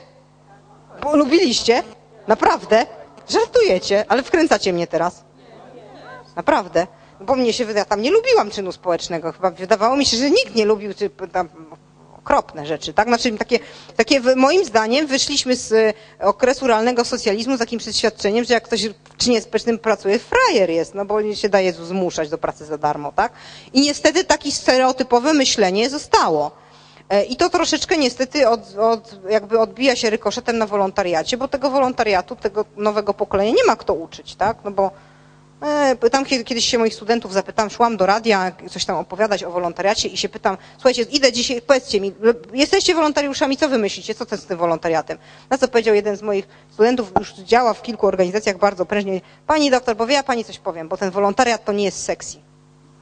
I to tak jest, tak? Bo wolontariat nie jest sexy, no bo to, to, to, coś trzeba robić, w ogóle nie wiadomo co. I taka jest prawda. W Polsce nie, nikt nas nie uczy, jak już zaczynamy działać w organizacjach, jak tu, tych wolontariuszy pozyskać. I potem przychodzi taki biedny, nie dość, że się trzeba od własnej pracy oderwać i jeszcze go nauczyć, no to co on potem? Kawę robi, materiały biurowe nosi. Jak już zacznie pracować merytorycznie, to zacznie wtedy pracować, jak go ktoś tego nauczy, oderwu, od, o, oderwując, chciałam się, słuchajcie, powiedzieć, piątek o 17 już mówię oderwując się od, od swojej pracy, odrywając się od swojej pracy, a potem po tym miesiącu wolontariusz powie, w sumie fajnie, ale już sobie idę, tak, już dziękuję bardzo. I generalnie w Polsce nie ma czegoś takiego jak kultura pracy z wolontariuszem, tak, nie ma cyklu pracy z wolontariuszem, nie ma, motyw, nie ma systemu motywowania. Wolontariusz nie dostaje wynagrodzenia, więc trzeba go umieć odpowiednio zmotywować mm, dobrym słowem, no nie wiem czym tam jeszcze, no pewnie nie cukierkami, ale generalnie no, żartuję sobie też, no pewnie też, ale tego nie ma, tak? Nie ma też kluczowej rzeczy, a mianowicie tego, jak się rozstać z wolontariuszem i jak wolontariusz ma się rozstać z organizacją i jak organizacja z wolontariuszem. Bo jeżeli wolontariusz mówi, to ja już dziękuję, odchodzę, to rzadko kto się pochyli i powie, a dlaczego? To może w takim razie powiedz, czego, jakich twoich oczekiwań to nie spełnia, to może pomożemy ci znaleźć coś innego, tak? E, ja bardzo często też, jak na przykład właśnie pytam, jak przychodzą goście do mnie na zajęcia z różnych organizacji i pytamy o to właśnie, a czy macie wolontariuszy? Nie, bo się to nie opłaca. To strata czasu jest, bo zanim się go tam nauczy, on potem zrezygnuje. Nie ma to sensu. Poza tym mamy też, jeżeli chodzi o wolontariat, takie obszary, które nie są chlubne. Na przykład wchodzi się na forum dla gimnazjalistów i tam się roi od wpisów. Słuchajcie, a jak sobie załatwić kwita, że się jest wolontariuszem? A wiecie po co? Punkty, tak? Żeby się dostać do liceum, liczą się wszystkie punkty, czasami nawet jeden punkt ma kluczowe znaczenie. W związku z powyższym handelek kwitnie. No i jak tutaj uczyć, słuchajcie, jak promować ideę wolontariatu, że to jest dobre dla nas, tak, że my się rozwijamy, że działamy na rzecz innych, jak tutaj takie rzeczy się dzieją. Kolejna rzecz to jest takie, ale to niestety trochę związane z polityką rynku, rynku pracy, wtłaczanie w wolontariat, tak? No to pobądź wolontariuszem, to może za dwa lata się zatrudnimy. I mamy lekarzy w pogotowiu wolontariuszy, mamy prawników, wolontariuszy. No, generalnie trochę ten wolontariat znowu u nas, tak jak z tym jednym procentem, nie w tą, nie taki się zwichrował, tak? Jak pracowaliśmy w zeszłym roku nad długofalową polityką rozwoju wolontariatu, myśmy mieli bardzo, to jest taki dokument strategiczny, który będzie załącznikiem do strategii rozwoju kapitału społecznego. E, pięć, pięć osób nas było, pracowaliśmy nad tym dokumentem. E, I mieliśmy różne pomysły, jak to ma być dokument strategiczny na 20 lat, to na przykład chcieliśmy tam wpisać i wpisaliśmy, a jakże, że na przykład jest tak, przewidujemy taką możliwość w jakiejś perspektywie, że w kodeksie pracy będzie taka zmiana polegająca na tym, że ktoś, kto ma takie zjawisko wypalenia zawodowego, może sobie zrobić roczny urlop i w czasie tego urlopu zaangażować się jako wolontariusz, tak? Zrobić cokolwiek i w tym czasie e, budżet państwa będzie mu finansował składki na ubezpieczenie społeczne. W przyszli, przyszła pani z panem z, z Departamentu Rynku Pracy, e, no więc trochę się zrobiło jak w Gwiezdnych Wojnach. Myślę, że gdyby mogli bez odpowiedzialności karnej, to by nas zabili, pokroili i zabetonowali w podłodze. E, ale niestety się nie dało, bo też jeszcze świadkowie byli, więc byłoby trudne pięć trupów umieścić pod podłogą, ale generalnie bardzo im się to nie podoba. Oczywiście nie przeszło, to absolutnie nie, nie było mowy, żeby cokolwiek takiego tam wpisać. Także chwilowo jesteśmy w takim martwym punkcie, tak? E, no, a mamy dobre wzorce. Można by się na przykład e, wzorować na czymś, co funkcjonuje w Niemczech. W Niemczech jest coś takiego jak dobrowolny rok socjalny. To funkcjonuje bardzo dobrze, już po wojnie zostało wprowadzone. I w Niemczech młodzi ludzie, którzy, to już praktycznie jest tradycja, że ktoś, kto zdaje maturę, robi sobie rok przerwy przed studiami i on wyjeżdża on sobie, na, wybiera organizację na taki dobrowolny rok socjalny albo ekologiczny i w dobrych organizacjach to ludzie czekają w kolejce rok, tak, żeby się dostać. W Stanach Zjednoczonych jest coś takiego jak Rok dla Miasta, również podobny program. E, I oczywiście to ma konkretne przełożenie. Jesteś wolontariuszem, ale nie, bo sobie załatwiłeś kwita, tylko naprawdę masz ileś tysięcy godzin jak pracy jako wolontariusz, to na przykład masz dodatkowe punkty albo zniżkę w opłacie za studia wyższe, tak? Masz na przykład darmowe przejazdy komunikacją miejską. To są takie rzeczy, z których my byśmy mogli w jakiejś tam perspektywie dalekosiężnej, leżąc sobie tu na pomoście w nocy i patrząc gwiazdy, myśleć, ale jeszcze daleko nam do tego. Mówię wam o tym, żeby pokazać, że jest perspektywa i możliwość pewnych zmian, tylko jest kwestia też woli, tak? Ta wola ma kluczowe znaczenie. Dobrze, to jeżeli chodzi o wolontariat, to już sobie po, odpuszczę mówienie dalej. Yy, powoływanie instytucji dialogu społecznego. Słuchajcie, pan profesor Gardawski, on się zajmuje dialogiem społecznym, czyli takie związki zawodowe i generalnie rynek pracy, tam takie tego typu tematy. On wymyślił takie pojęcie i ono tu się bardzo dobrze nadaje, jak takie pojęcie bypassy. Bypassy to się generalnie robi, jak człowiekowi tutaj nawala serduszko, to mu się takie robi taką tutaj Umleitung, nie wiem po polsku jest, obwodnicę mu się robi właśnie. A w, generalnie jeżeli chodzi o takie kontakty administracji publicznej z organizacjami pozarządowymi, to te bypassy w Polsce się świetnie mają, tak? Na każdym poziomie. E, pan poseł, pan, pan poseł mówi, e, nie, albo jakiś tam działacz organizacji mówi, faktycznie to w tej ustawie nie działa, to muszę zadzwonić do Kazia, bo Kaziu jest posłem i Kaziu to świetnie będzie wiedział, muszę mu powiedzieć, Kaziu, słuchaj, musicie zmienić w ustawie o działalności pożytku publicznego, słuchajcie, takie rzeczy się działy. Co najmniej trzy znam przypadki, jak był telefon do różnych Kaziów i się potem na przykład zmieniało coś w ustawie, tak? E, straszne rzeczy. A mamy takie już instytucje, nie dość, że mamy Radę Działalności Pożytku Publicznego, mamy parlamentarny zespół do spraw E, współpracy z organizacjami pozarządowymi. Nie wiem, czy wiecie, na początku powstały dwa, one się pokłócili się, pan poseł Piechota i jeszcze taki pan drugi poseł, na szczęście już wyparłam jego nazwisko, powoływali dwa takie ten, y, no, konkurencyjne zespoły, tak żeby tam za nudno mają na wiejskiej, więc wymyślili sobie, że będą mieć dwa zespoły, się pokłócili ze sobą. Jeden twierdził, że jeden ma ważniejszy, bo dzień wcześniej, ale wtedy pan marszałek Borusewicz stwierdził, wymyślił, że tutaj jest taki pomysł, żeby zrobić taki w ogóle ponad podziałami nie PiS, nie PO, bo tak akurat się złożyło, więc zrobili taki, nie, tam się pewnie w tym zespole dalej gryzą, ale jakoś tego już tego nie widać. Ale rzeczywiście trzeba przyznać, że że, że takie, takie prace są. No i ustawa o działalności pożytku publicznego i wolontariacie po nowelizacji pozwala to na tworzenie lokalnych rad e, pożytku publicznego, prawda, które rzeczywiście tworzą się, działają, taka możliwość jest. E, o tym jeszcze za chwilę w kontekście konsultacji społecznych i powstawania pewnych dokumentów będę Wam jeszcze opowiadać. Działalność różny, różnego rodzaju organizacji, organizacji o różnych profilach, organizacji rzeczniczych, czyli takich, które działają na rzecz innych, na przykład słabszych grup, ale też takich organizacji, które działają na rzecz innych organizacji, tak zwanych organizacji infrastrukturalnych, tak? Nie wiem, mam problem, bo nie mam biura, idę do organizacji, która mi to zapewnia, bo takie organizacje są. Chcę za, zaangażować wolontariuszy, nie wiem jak to zrobić, udaję się do Centrum Wolontariatu. No tak to powinno działać. Generalnie u nas jeszcze takich organizacji infrastrukturalnych jest mało, powinno być znacznie więcej, ale jest to pewne wyzwanie, nad którym trzeba pracować. Organizacje strażnicze, czyli takie, które patrzą władzy na ręce, one najmniej chętnie władza takie lubi, to też jest jakby trudne w Polsce, ponieważ biorąc pod uwagę fakt, że 60% środków, z których korzystają organizacje to są środki publiczne, a trudno, żeby organizacja strażnicza brała środki od administracji i mówiła, o tutaj brzydko pan wójt zrobił, bardzo brzydko pan wójt zrobił. No nie, no jak już nie biorę, jak już krytykuję, to też nie będę brał pieniędzy, bo nie gryzie się ręki, która karmi, prawda? Więc to jest taka, to jest taka sfera. Powstaje coraz więcej takich organizacji eksperckich, które prowadzą, prowadzą badania, jakieś analizy. No, Klon Jawor jest taką klasyczną organizacją, którą myślę wszyscy znacie, tak? I jak coś jest wam potrzeba, jakieś informacje, dane, seria www, no tam wszystko można znaleźć, prawda? I to jest właśnie tego, tego typu organizacja. No i najwięcej to jest takich e, organizacji, które po prostu realizują różnego rodzaju zadania w sferze usług socjalnych, organiza takich organizacji, które działają na rzecz ludzi, po prostu na rzecz innych, e, korzystając przy tym ze środków publicznych i takie organizacje administracja najchętniej widzi, no bo nie dość, że właśnie to, o czym mówiliśmy sobie na początku, robią szybko, sprawnie, efektywnie, to jeszcze wykonują za administrację e, część pracy. Co tam mamy dalej na naszym wykaziku? Dlaczego ja to takie zrobiłam wszystko pozbijane i teraz nic nie widzę? A 1% już wam powiedziałam.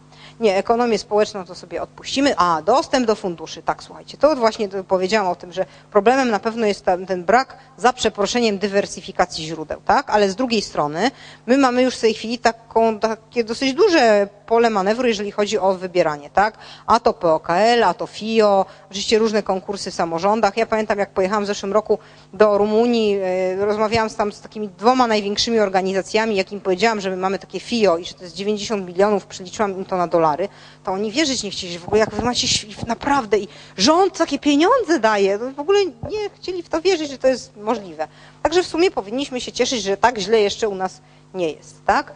E, a i właśnie dochodzimy teraz do mojego ulubionego punktu, a mianowicie udział organizacji w procesie tworzeniu prawa i w konsultacjach społecznych. Myślę, że o tym wy macie więcej do powiedzenia jako uczestnicy czasami albo usiłujący uczestniczyć w takich różnych przedsięwzięciach. I tu tytułem anegdoty opowiem wam, jak prowadziłam takie badania w ramach projektu Model Współpracy i pojechałam do jednego z powiatów, gdzie uchwalona została, bo to były badania konkretnych dokumentów, które zostały uchwalone i trzeba było teraz sprawdzić ścieżkę, jak tam konsultowano z organizacjami, tak? Czy to były te konsultacje, czy tam tylko markowali. Oczywiście wszędzie udają, że świetnie konsultują, fantastycznie. No i pani mówi tak w, tej, w tym powiecie, mają już ją tą, tą strategię i tak, bo pani naczelnik powiedziała, żeby sprawdzić z iloma organizacjami myśmy w zeszłym roku współpracowali, no to wyszło, że 15. Ale na spotkania przychodziło 5. No więc kazała wysłać y, listem do tych pięciu zaproszenie na spotkanie, bo oni na pewno tych listów nie odbierają, bo wiadomo, gdzie te organizacje są porejestrowane, tam nikt tej poczty nie sprawdza, więc krótki termin, wysłaliśmy listy, szybko zrobiliśmy spotkanie, dwie przyszły. Z tego jedna zaprzyjaźniona. No więc w ogóle fantastycznie, prawda, nie, nie przychodzą, nie trują, jakieś są tu to zmiany, bo najfajniej się, wiecie, jak konsultuje, że jak się robi spotkanie, mówię, proszę Państwa, zrobiliśmy właśnie tutaj strategię ochrony środowiska, proszę bardzo, podoba się Państwu, bardzo się cieszymy, miło nam się z Państwem w tym roku współpracowało i generalnie bardzo często się to tak odbywa. Oczywiście są, mówię o takich strasznych przykładach przerysowanych, ale są takie samorządy, gdzie to się odbywa jak należy, tak? Problem polega na tym, że administracja cały czas ma taką obawę, że tu przychodzą i te pieniacze i w ogóle coś chcą. Inna rzecz, że organizacje mają trochę, trochę taką postawę, jakby nie rozumiejąc tego takiego niuansu, że to administracja suma summarum ponosi finalnie konsekwencje i jakby bierze na siebie ciężar odpowiedzialności za podjęcie pewnych decyzji. Więc my możemy doradzić, a co oni z tym zrobią, to jest ich sprawa, bo i tak oni za to będą rozliczani, prawda? E, natomiast takie, takie czasami jest podejście, tak, bo my poszliśmy, poświęciliśmy czas, skonsultowaliśmy i oni tego nie wzięli pod uwagę. No ale przynajmniej jakby ten wysiłek obywatelski został złożony i może jak za dziesiątym razem się mi powie, że to jak nie powinno wyglądać, to może wezmą pod uwagę. E, ale oczywiście zdarza się, że zdarza się, no, no, powinno być wszędzie tak, że te konsultacje się odbywają.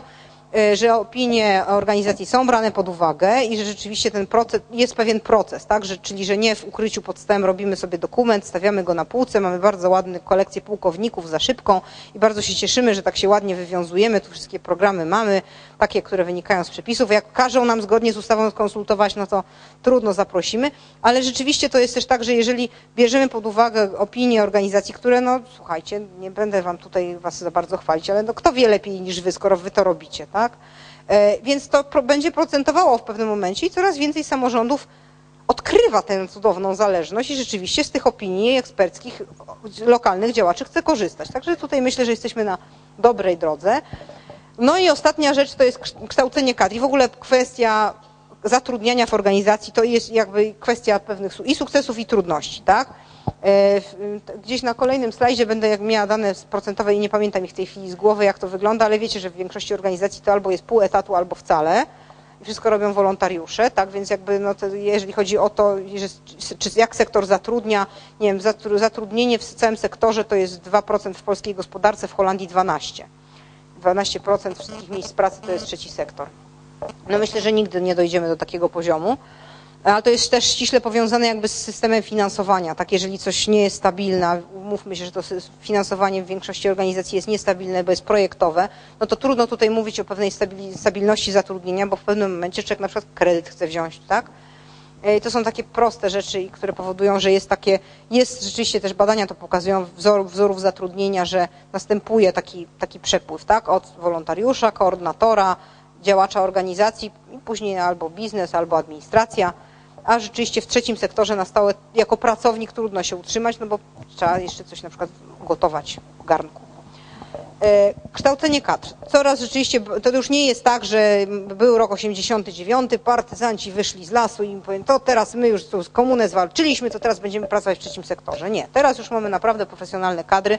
Coraz więcej powstaje, słuchajcie, studiów podyplomowych dla trzeciego sektora na różnych uczelniach, jakby was interesowało, nie żebym gdzieś prowadziła zajęcia, broń Boże, że nie chcę się, nie, nie reklamuję się, no, mówię prawdę, znaczy nie, nie, mówię zupełnie szczerze, y, naprawdę na każdych, każdej uczelni wyższej są różne studia podyplomowe, a to na przykład z zakresu fundraisingu, czyli jak zdobywać środki na działania, tak, a to na przykład jak zarządzać kadrą w organizacjach pozarządowych, już najróżniejsze takie rzeczy są, co je, pokazuje również to, skoro takie kierunki się pojawiają, to znaczy, że jest zapotrzebowanie, tak, znaczy, że rzeczywiście te kadry trzeciego sektora potrzebują takiej wiedzy i chcą się dokształcać. Mnóstwo szkoleń. To jest właśnie teraz też ten moment, kiedy mamy wysyp, był wysyp i jest jeszcze chyba wysyp takich szkoleń właśnie dla organizacji ze środków unijnych. Trzeba się szkolić, bo warto. Tak, i tu by był koniec sukcesów i przechodzimy teraz do minusów. Pamiętajmy, żeby plusy nie przysłoniły nam minusów. Słuchajcie, problemy.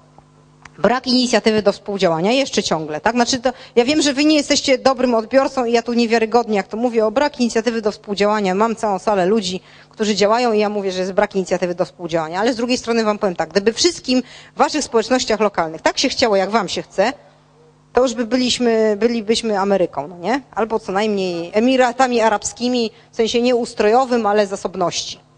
E, brak zaufania, to jest to, co mówiłam. Przyjdą ci z tych organizacji, chcieliby, no nie dość, że będą coś chcieli, to jeszcze nas tu wszyscy tu zamienią nas, bo pokaże się, że my niepotrzebni jesteśmy, bo oni lepsi, tak? E, fasadowa współpraca, o tym mówiłam.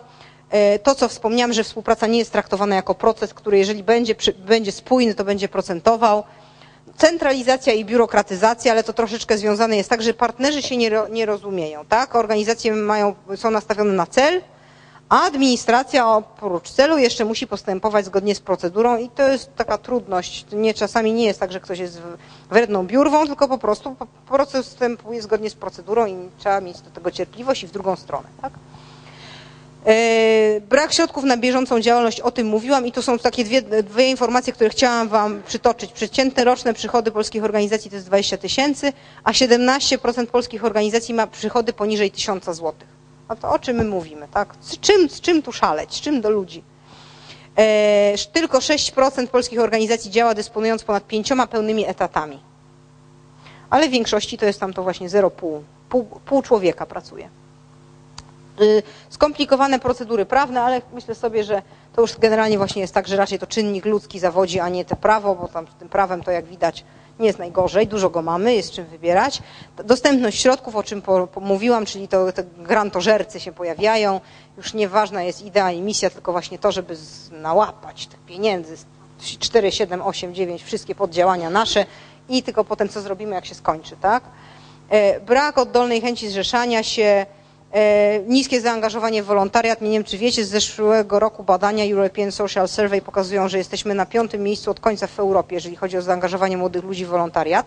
Ale, to jeszcze a propos wolontariatu wam powiem, trzeba też patrzeć na to, jak się takie badania Klon Jawor bada, CEBOS bada, ale to też zależy, jak my pytamy. Wbrew pozorom metodologia ma tu kluczowe znaczenie, bo jak zapytamy, czy w zeszłym roku angażowałeś się jako wolontariusz, to 90% osób, he, i powie, że nie, tak? A jak powiemy, czy w zeszłym roku angażowałeś się na rzecz innych, a jeszcze na przykład listę damy taką, gdzie są przykłady, co można było robić, nagle się okazuje, że 40%, tak? Więc jakby to też zależy od, jak będziemy pytać. E, I to, co wspomniałam, brak wiedzy o specyfice działania partnerów. I słuchajcie, myślę sobie, że to już jest ostatni slajd. Wytrzymaliście ze mną do końca, żaden jogurt mi nie wylądował na głowie. I teraz, jak macie pytania, ja bardzo chętnie odpowiem. Jestem do Waszej dyspozycji ktoś chce coś zapytać. Zawsze musi być na każdym spotkaniu tak, że ktoś musi pierwszy zabrać głos. Łukasz Wenda, ja reprezentuję Stowarzyszenie Rozwoju Miejscowości Strudzianka, województwo lubelskie. Mam takie pytanie do Pani, może trudne, może łatwe, nie wiem. My się z tym e, problemem borykamy. E, jak podjąć działania albo, nie wiem, kroki, aby, aby wymusić niejako na starostwie w tym wypadku, e, aby może powołać pełnomocnika to jest za duże słowo, osobę, która by zajmowała się tylko i wyłącznie y, y, pomagała organizacjom pozarządowym. Nie tylko, powiedzmy, oczywiście nie gotowe pisanie wniosków, ale kwestie prawne, proceduralne. Ostatnio coś takiego udało się zrobić dla NGO-sów w mieście, w Lublinie, w samym mieście. Czy pani miałaby jakiś pomysł, albo jak w ogóle zacząć? Bo chciałbym jakiś krok w tym kierunku zrobić, tylko nie wiem, gdzie tak uderzyć na sam początek. Znaczy to generalnie, nie wiem, ta odpowiedź pewnie pana nie usatysfakcjonuje, bo domyślam się, że chciałby pan, żebym panu powiedziała w trzech krótkich krokach zrobić A, B i C i będzie pełnomocnik. Znaczy generalnie to jest tak, że coraz więcej samorządów, teraz wam nie powiem ile, ale już mamy tego naprawdę sporo, bo jakby też administracja rozumie, coraz częściej widzi, że jak jest taki pełnomocnik, to się to zdejmuje z bark albo jakiegoś tam naczelnika Wydziału Spraw Społecznych, bo to zwykle tego typu wydziały się tym zajmują, polityki społecznej. Eee, na, na, znaczy na pewno niestety nie ma czegoś takiego, że można przymusić, tak? E, bo to jest też oczywiście kwestia finansów, bo trzeba utrzymać etat, albo na przykład to się często dodaje komuś, kto już ma jakieś swoje zadania w strukturach administracji. Przymusić nie można, można prosić i można zachęcać, tak?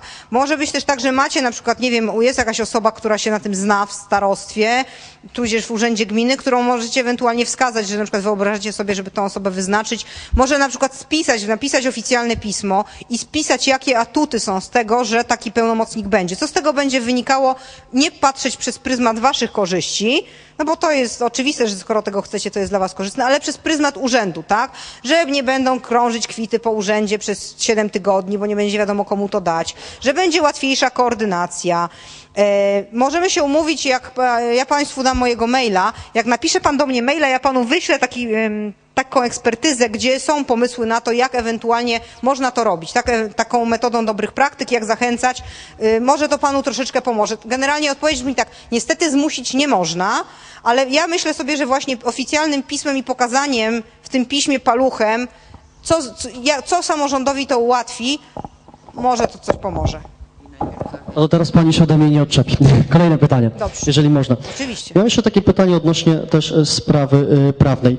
Czy y, organizacja, która nie ma KRS-u, chodzi mi tutaj o y, grupę sportową, może otrzymywać dotacje w ramach zleconych? Powtarzam, to jest, prowadzi ta grupa działalność sportową, biegacze akurat. E, ale dotacje z... Z samorządu, z zadań zleconych. Moim zdaniem może. Znaczy, jeżeli to jest klub sportowy, to jest grupa y, miłośników y, sportowych. Nieformalna. No to nie. Bo taka dotacja została przyznana. Chciałem, jak już jestem, skorzystać z okazji, czy, czy y, są jakieś zapisy, że y, nie mają KRS-u, mają tylko y, zarejestrowane w, w, w, w Ale wie pan co, bo to też jest, znaczy ja generalnie, ja bym zaproponowała, żeby zobaczyć, Jak, no musi, muszą być jakieś określone ramy prawne tego konkursu i on został utworzony na podstawie jakichś konkretnych uregulowań, czy to uchwały i musi być oznaczony jak w każdym konkursie dotacyjnym, do, dotacyjnym do jakich podmiotów jest skierowany, tak? To musi być określone jakby w tym w zaproszeniu do składania ofert. Do tego dokumentu bym się odwołała i tam to musi być napisane, bo jeżeli jest tak, że e, no nie wiem, no to mo, no można się odwoływać do przykładów na przykład FIO, tak? E, w, ogłoszeniu konkursu jest mowa konkretnie do jakiego rodzaju organizacji jest to skierowane, że do wszystkich organizacji ujętych w artykule 3 ustęp 3 ustawy o działalności pożytku publicznego, więc wiemy jakie są to organizacje. Nie ma tutaj mowy na przykład o tym, żeby mogło być to e, grupa nieformalna czy koło gospodyń wiejskich, które, które nie jest rejestrowane, więc w związku z tym odsyłałabym do tego. Wydaje mi się, że nie. Niestety to jest ten problem nasz, że nie, grupy nieformalne są w ten sposób poszkodowane, ale można to sprawdzić w tym dokumencie, który, który otwierał, zapraszał do składania ofert w konkursie. To dziękuję i mam kolejne pytanie, jeżeli pani pozwoli.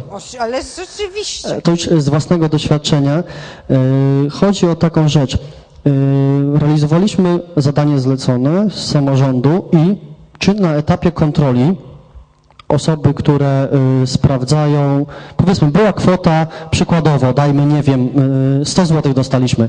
Z tego y, 40% to było te 40 zł środki z samorządu, 40 od darczyńców, a 20% to był wkład finansowy nasz, który był na naszym koncie, który żeśmy pozyskali w poprzednim roku od darczyńców.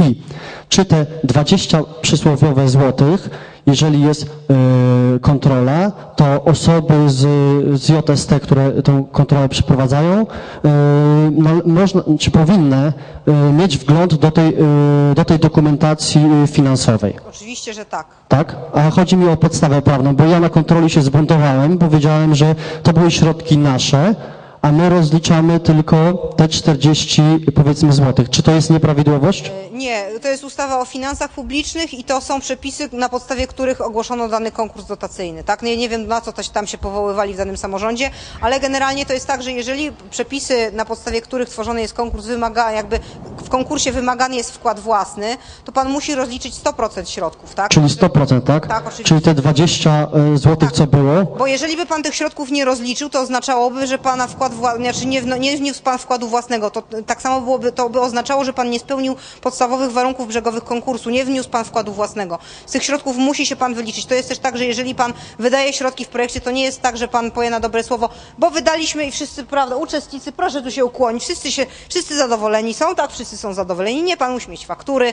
Nie, no, no te 20 zł faktury są, tylko że ja odpisałem w, w, w tym piśmie pokontrolnym, że no, podstawy prawnej nie, nie otrzymałem. Znaczy nie, nie było to na nic powołane, bo kontrolujący nie był w stanie powiedzieć, na jakiej podstawie y, ja mam to pokazać. I tak się po prostu zbuntowałem. dokumenta, dokumenty finansowe, które, które na, z których wynika, że to jest 20%. Tak, tak, oczywiście mam, tylko że no, to są faktury. No to I powiedziałem, że tych... Słucham? To kopię tych faktur powinien pan albo oryginały podczas kontroli, albo kopię tych faktur powinien pan, pan okazać. No to ładnie, narozrabiałem. Jeszcze jedna kwestia, więcej pytań nie mam. Dziękuję. Czy ktoś jeszcze? Ktoś jeszcze? Dzień dobry. Beata Kwiatarz, ja reprezentuję Stowarzyszenie Zielona Ziemia. My mamy takie duże działanie, bo chcemy odziedzić, y, ocalić y, szkołę z byłymi tradycjami ogrodniczymi. 150-letnia tradycja z budynkami, 60 hektarów, stare sady i tak dalej. Udało nam się do współpracy już namówić Urząd Gminy y, i województwo, które jakby ten obiekt y, w wyniku naszych działań, y, takich bardzo proceduralnych, ujęło już w planie wojewódzkiego zagospodarowania przestrzennego. Natomiast mamy problem z powiatem, który niefortunnie stał się właścicielem tych ziem, kiedy szkoła jeszcze funkcjonowała. Teraz szkoła upadła i powiat blokuje nam wszystko, co robimy, żeby tam tylko nie powstał ogród botaniczny, bo y, bardziej chcą sprzedać tą ziemię w prywatne ręce i mieć z tego jeszcze zysk.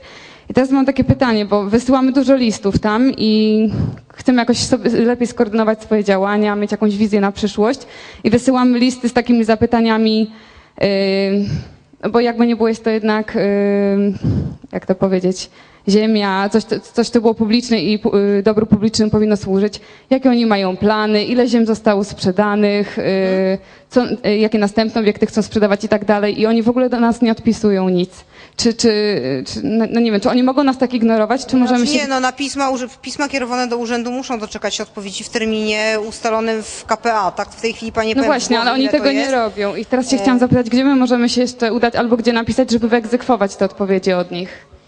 E, No to jest procedura administracyjna. Nie, nie, w tym momencie nie jestem pewna, jak pani odpowiedzieć, znaczy co zrobić. Ja bym wysłała jeszcze jedno pismo, ale myślę, że najskuteczniejszą metodą w tym momencie będzie coś, co, co, czego się takie instytucje boją, a mianowicie media lokalne. Nagłaśniamy powoli sprawę. E, Ale... I myślę, że to może, że tak powiem, ruszyć sprawę, tak?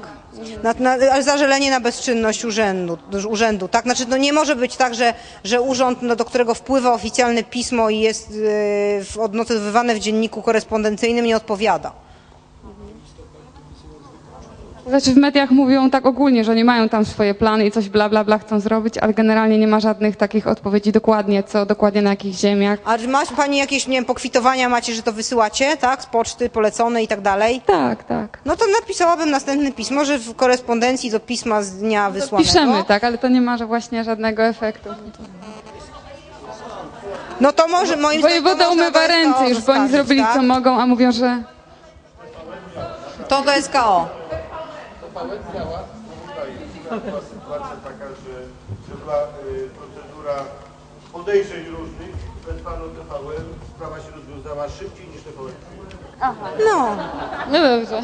Media w takich sytuacjach są najbardziej Po skuteczne. prostu budowaliśmy przez tyle lat współpracę, że staraliśmy się tak dyplomatycznie omijając. tak? Znaczy na pewno wam to nie pomoże w dalszej współpracy, ale b- bieżący problem pomoże rozwiązać, tak?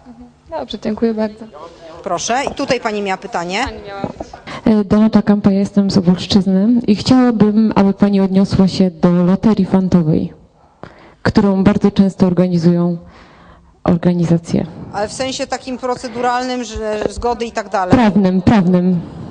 No to jest tak, że znaczy to jest kwestia działalności odpłatnej pożytku publicznego, tak? Czyli jeżeli, musi, jeżeli Państwo prowadzicie taką loterię i macie Państwo w, w, statu, w statucie przewidzianą możliwość prowadzenia tego typu działalności, to możecie to robić. Jeżeli nie, Chodzi o działalność gospodarczą? Nie, o Nie. działalność odpłatną pożytku publicznego macie. No to robicie to w ramach działalności odpłatnej pożytku publicznego. Na, działa, na, na o działalność odpłatną? na loterię. Na loterię fantową, tak.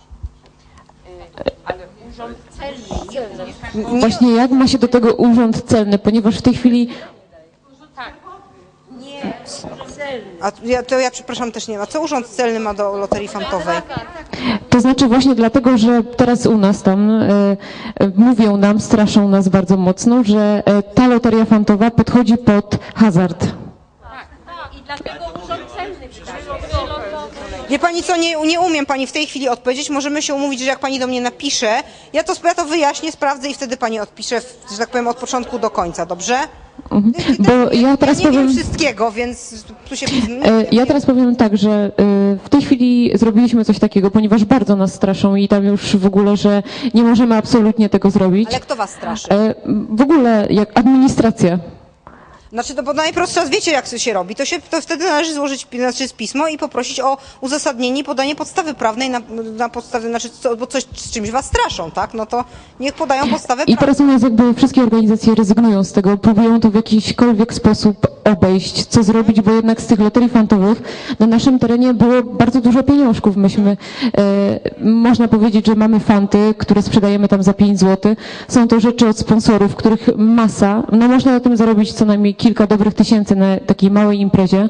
I teraz e, jakby próbujemy to obejść i e, roz- zrobiliśmy zbiórkę publiczną. E, I też właśnie się zastanawiamy, czy to jest, czy to jest zgodne z prawem, czy to nie jest zgodne z prawem. Czyli jakby zrobiliśmy coś takiego, że mamy cegiełki i za każdą zakupioną cegiełkę dajemy jakby taki prezent od, Hmm, To jest ale teraz właśnie, tak, tylko że teraz e, okazuje się, że gdzieś tam e, jakiś pan wyczytał, że wtedy to będzie tylko zgodne, kiedy wszystkie te fanty, czyli te niespodzianki będą jednakowe. Aha, no tak. Czyli jeśli to będą kubki i to będzie tam 1800 kubków, to wszystko jest zgodne z prawem. Ale jeśli to są różne rzeczy, a my mamy... Tak, tak. Okej, umówmy się, ja, ja to sprawdzę, tak? Nie, nie, w tej chwili nie chcę pani wprowadzić błąd, jest to do sprawdzenia i, i mo- możemy się umówić, że ja pani napisze, co, co dalej z tym zrobić. Dobrze, dziękuję. E, Ja chciałam zapytać, co zrobić w sytuacji, e, gdy e, jest rozstrzygany konkurs o dotację, to znaczy jest komisja opiniująca, te projekty. W komisji przewodnicząca komisji jest członkiem zarządu stowarzyszenia, którego rozpatruje też Musi się wyłączyć. Tak, e, ale już, już, już jest jakby ciąg dalszy tej sytuacji. Stowarzyszenie, do stowarzyszenia dotarła informacja, że właśnie jest problem e, właśnie w osobie tej kobiety, która się nie wyłączyła i po prostu stowarzyszenie zrezygno- zrezygnowało z udziału w konkursie. A Ale osoba to znaczy, tej... jak to zrezygnowało? Znaczy już jest po konkursie, tak? Bo Tak, tak, tak, tak, już jest, ale jakby w moim przekonaniu to nie zamyka sprawy, bo, e, bo właśnie mm, wydaje mi się, że ten konkurs powinien się odbyć jeszcze raz No, bez udziału konkurs tej jest nieważny, osoby. ponieważ został przeprowadzony niezgodnie z procedurą. Zwykle w e, konkursach jest, są takie, znaczy członkowie komisji konkursowych powinni podpisywać tak zwane klauzule, Klauzule, sumienia, tak, mhm. w których mowa jest o tym, że oni będą, będą bezstronni i w których bardzo często, bardzo dokładnie przewidziane są warunki co do, co do oceny, na przykład, że nie można być, być by oceniać projektów e, składanych przez organizacje w stosunku do których na przykład po wykonyw- było się zaangażowanych w okresie ostatnich trzech lat i otrzymywało się jakiekolwiek wynagrodzenie, albo na przykład lat, tak? jest, na, na, na, przykład jest FIO, tak? I to jest myślę, że dosyć uczciwa e, taki cezus czasowy. Dodatkowe g- bariery typu na przykład, że nie ocenia się projektów, w których e, w, nie wiem, w organizacjach działa, nie wiem, wstępni, wstępni pierwszego stopnia, małżonkowie, no to generalnie to są rzeczy, które powinny być uregulowane. Natomiast moim zdaniem jest to przyczyna do unieważnienia konkursu, jeżeli osoba, która zasiada w komisji, ocenia projekt, który, e, w, który, roz- który jakby ma, może mieć znaczenie dla jej jakiejś, w jakimś sensie przyszłości. Tak? To rozpatrywał e, prawnik, bo chodzi o starostwo, e, prawnik starostwa i stwierdził, że jeżeli się stowarzyszenie samo wycofało, to właściwie już nie ma problemu i nie ma co jeszcze raz tego konkursu rozstrzygać, bo to po prostu za długo czasu i tak dalej. No, ale- A jeszcze a jeszcze jest druga, e, drugi problem tego typu, że w zarządzie powiatu, który, e, który często przychyla się do opinii e, komisji opiniującej, są dwie osoby, które też są członkami zarządu tego stowarzyszenia. Jakby problem jest podwójny. No i co teraz z tym zrobić? Bo to się dalej, znaczy już nie wiem, nie wiem co z tym konkursem, ale też mi teraz chodzi o ten zarząd, o, o zarząd stowarzyszenia, który jest w zarządzie powiatu. Z czterech osób są dwie w zarządzie. Czterech osób z zarządu powiatu są dwie w zarządzie stowarzyszenia. Znaczy, ta, ta pierwsza rzecz, co pani powiedziała, nie, rozumiem, to znaczy jak można, jak można nie robić konkursu, skoro on to za dużo czasu, znaczy, bo konkurs nadal pozostaje, jeżeli on zostaje unieważniony, to jest nierozstrzygnięty, więc należy go przeprowadzić ponownie, żeby wyłonić organizację, która tę dotację otrzyma, tak, czy tam, nie wiem, jak to, jak to tam było rankingowane. Natomiast jeżeli chodzi o ten, ten konflikt interesów, nie wiem, no może starosta się powinien tym zainteresować, albo SKO. No bo to generalnie to jest korupcjogenne zjawisko, E, tak? To znaczy członkiem zarządu, po, e, członkiem zarządu stowarzyszenia, który jest w zarządzie Jest powiatu starosta. jest wicestarosta. Aha. A, staro, a starosta się, rozumiem, się tym nie interesuje. E, Znaczy ja, ja podejrzewam, że on sobie z tego zdaje sprawę. Y, No to to jest kw- kwestia postępow, postępowania przed samo, samorządowym kolegium odwoławczym. Tak? Znaczy, no, moim zdaniem to się kwalifikuje jak najbardziej, no bo to jest absolutnie rzecz niedopuszczalna. W ogóle się, no to, to nie ma się co zastanawiać. Tak? Taka rzecz po prostu nie może mieć miejsca z proceduralnego powodu. Dobrze, dziękuję bardzo. Członkowie stowarzyszenia wybrali tego wicestarostę starostę do zarządu swojego. Tak, ale w sytuacji oceny, oceny wniosków występuje konflikt interesów. Wiem, ja rozumiem, Mhm. ale samo stowarzyszenie może, że tak powiem, zdegradować tego wicestarostę No, do w tej chwili już niekoniecznie, no. Na przyszłość. A, no ale no, no, no, na, na przyszłość to tak, No, no. bo, bo chyba wiedzieli, na co się po...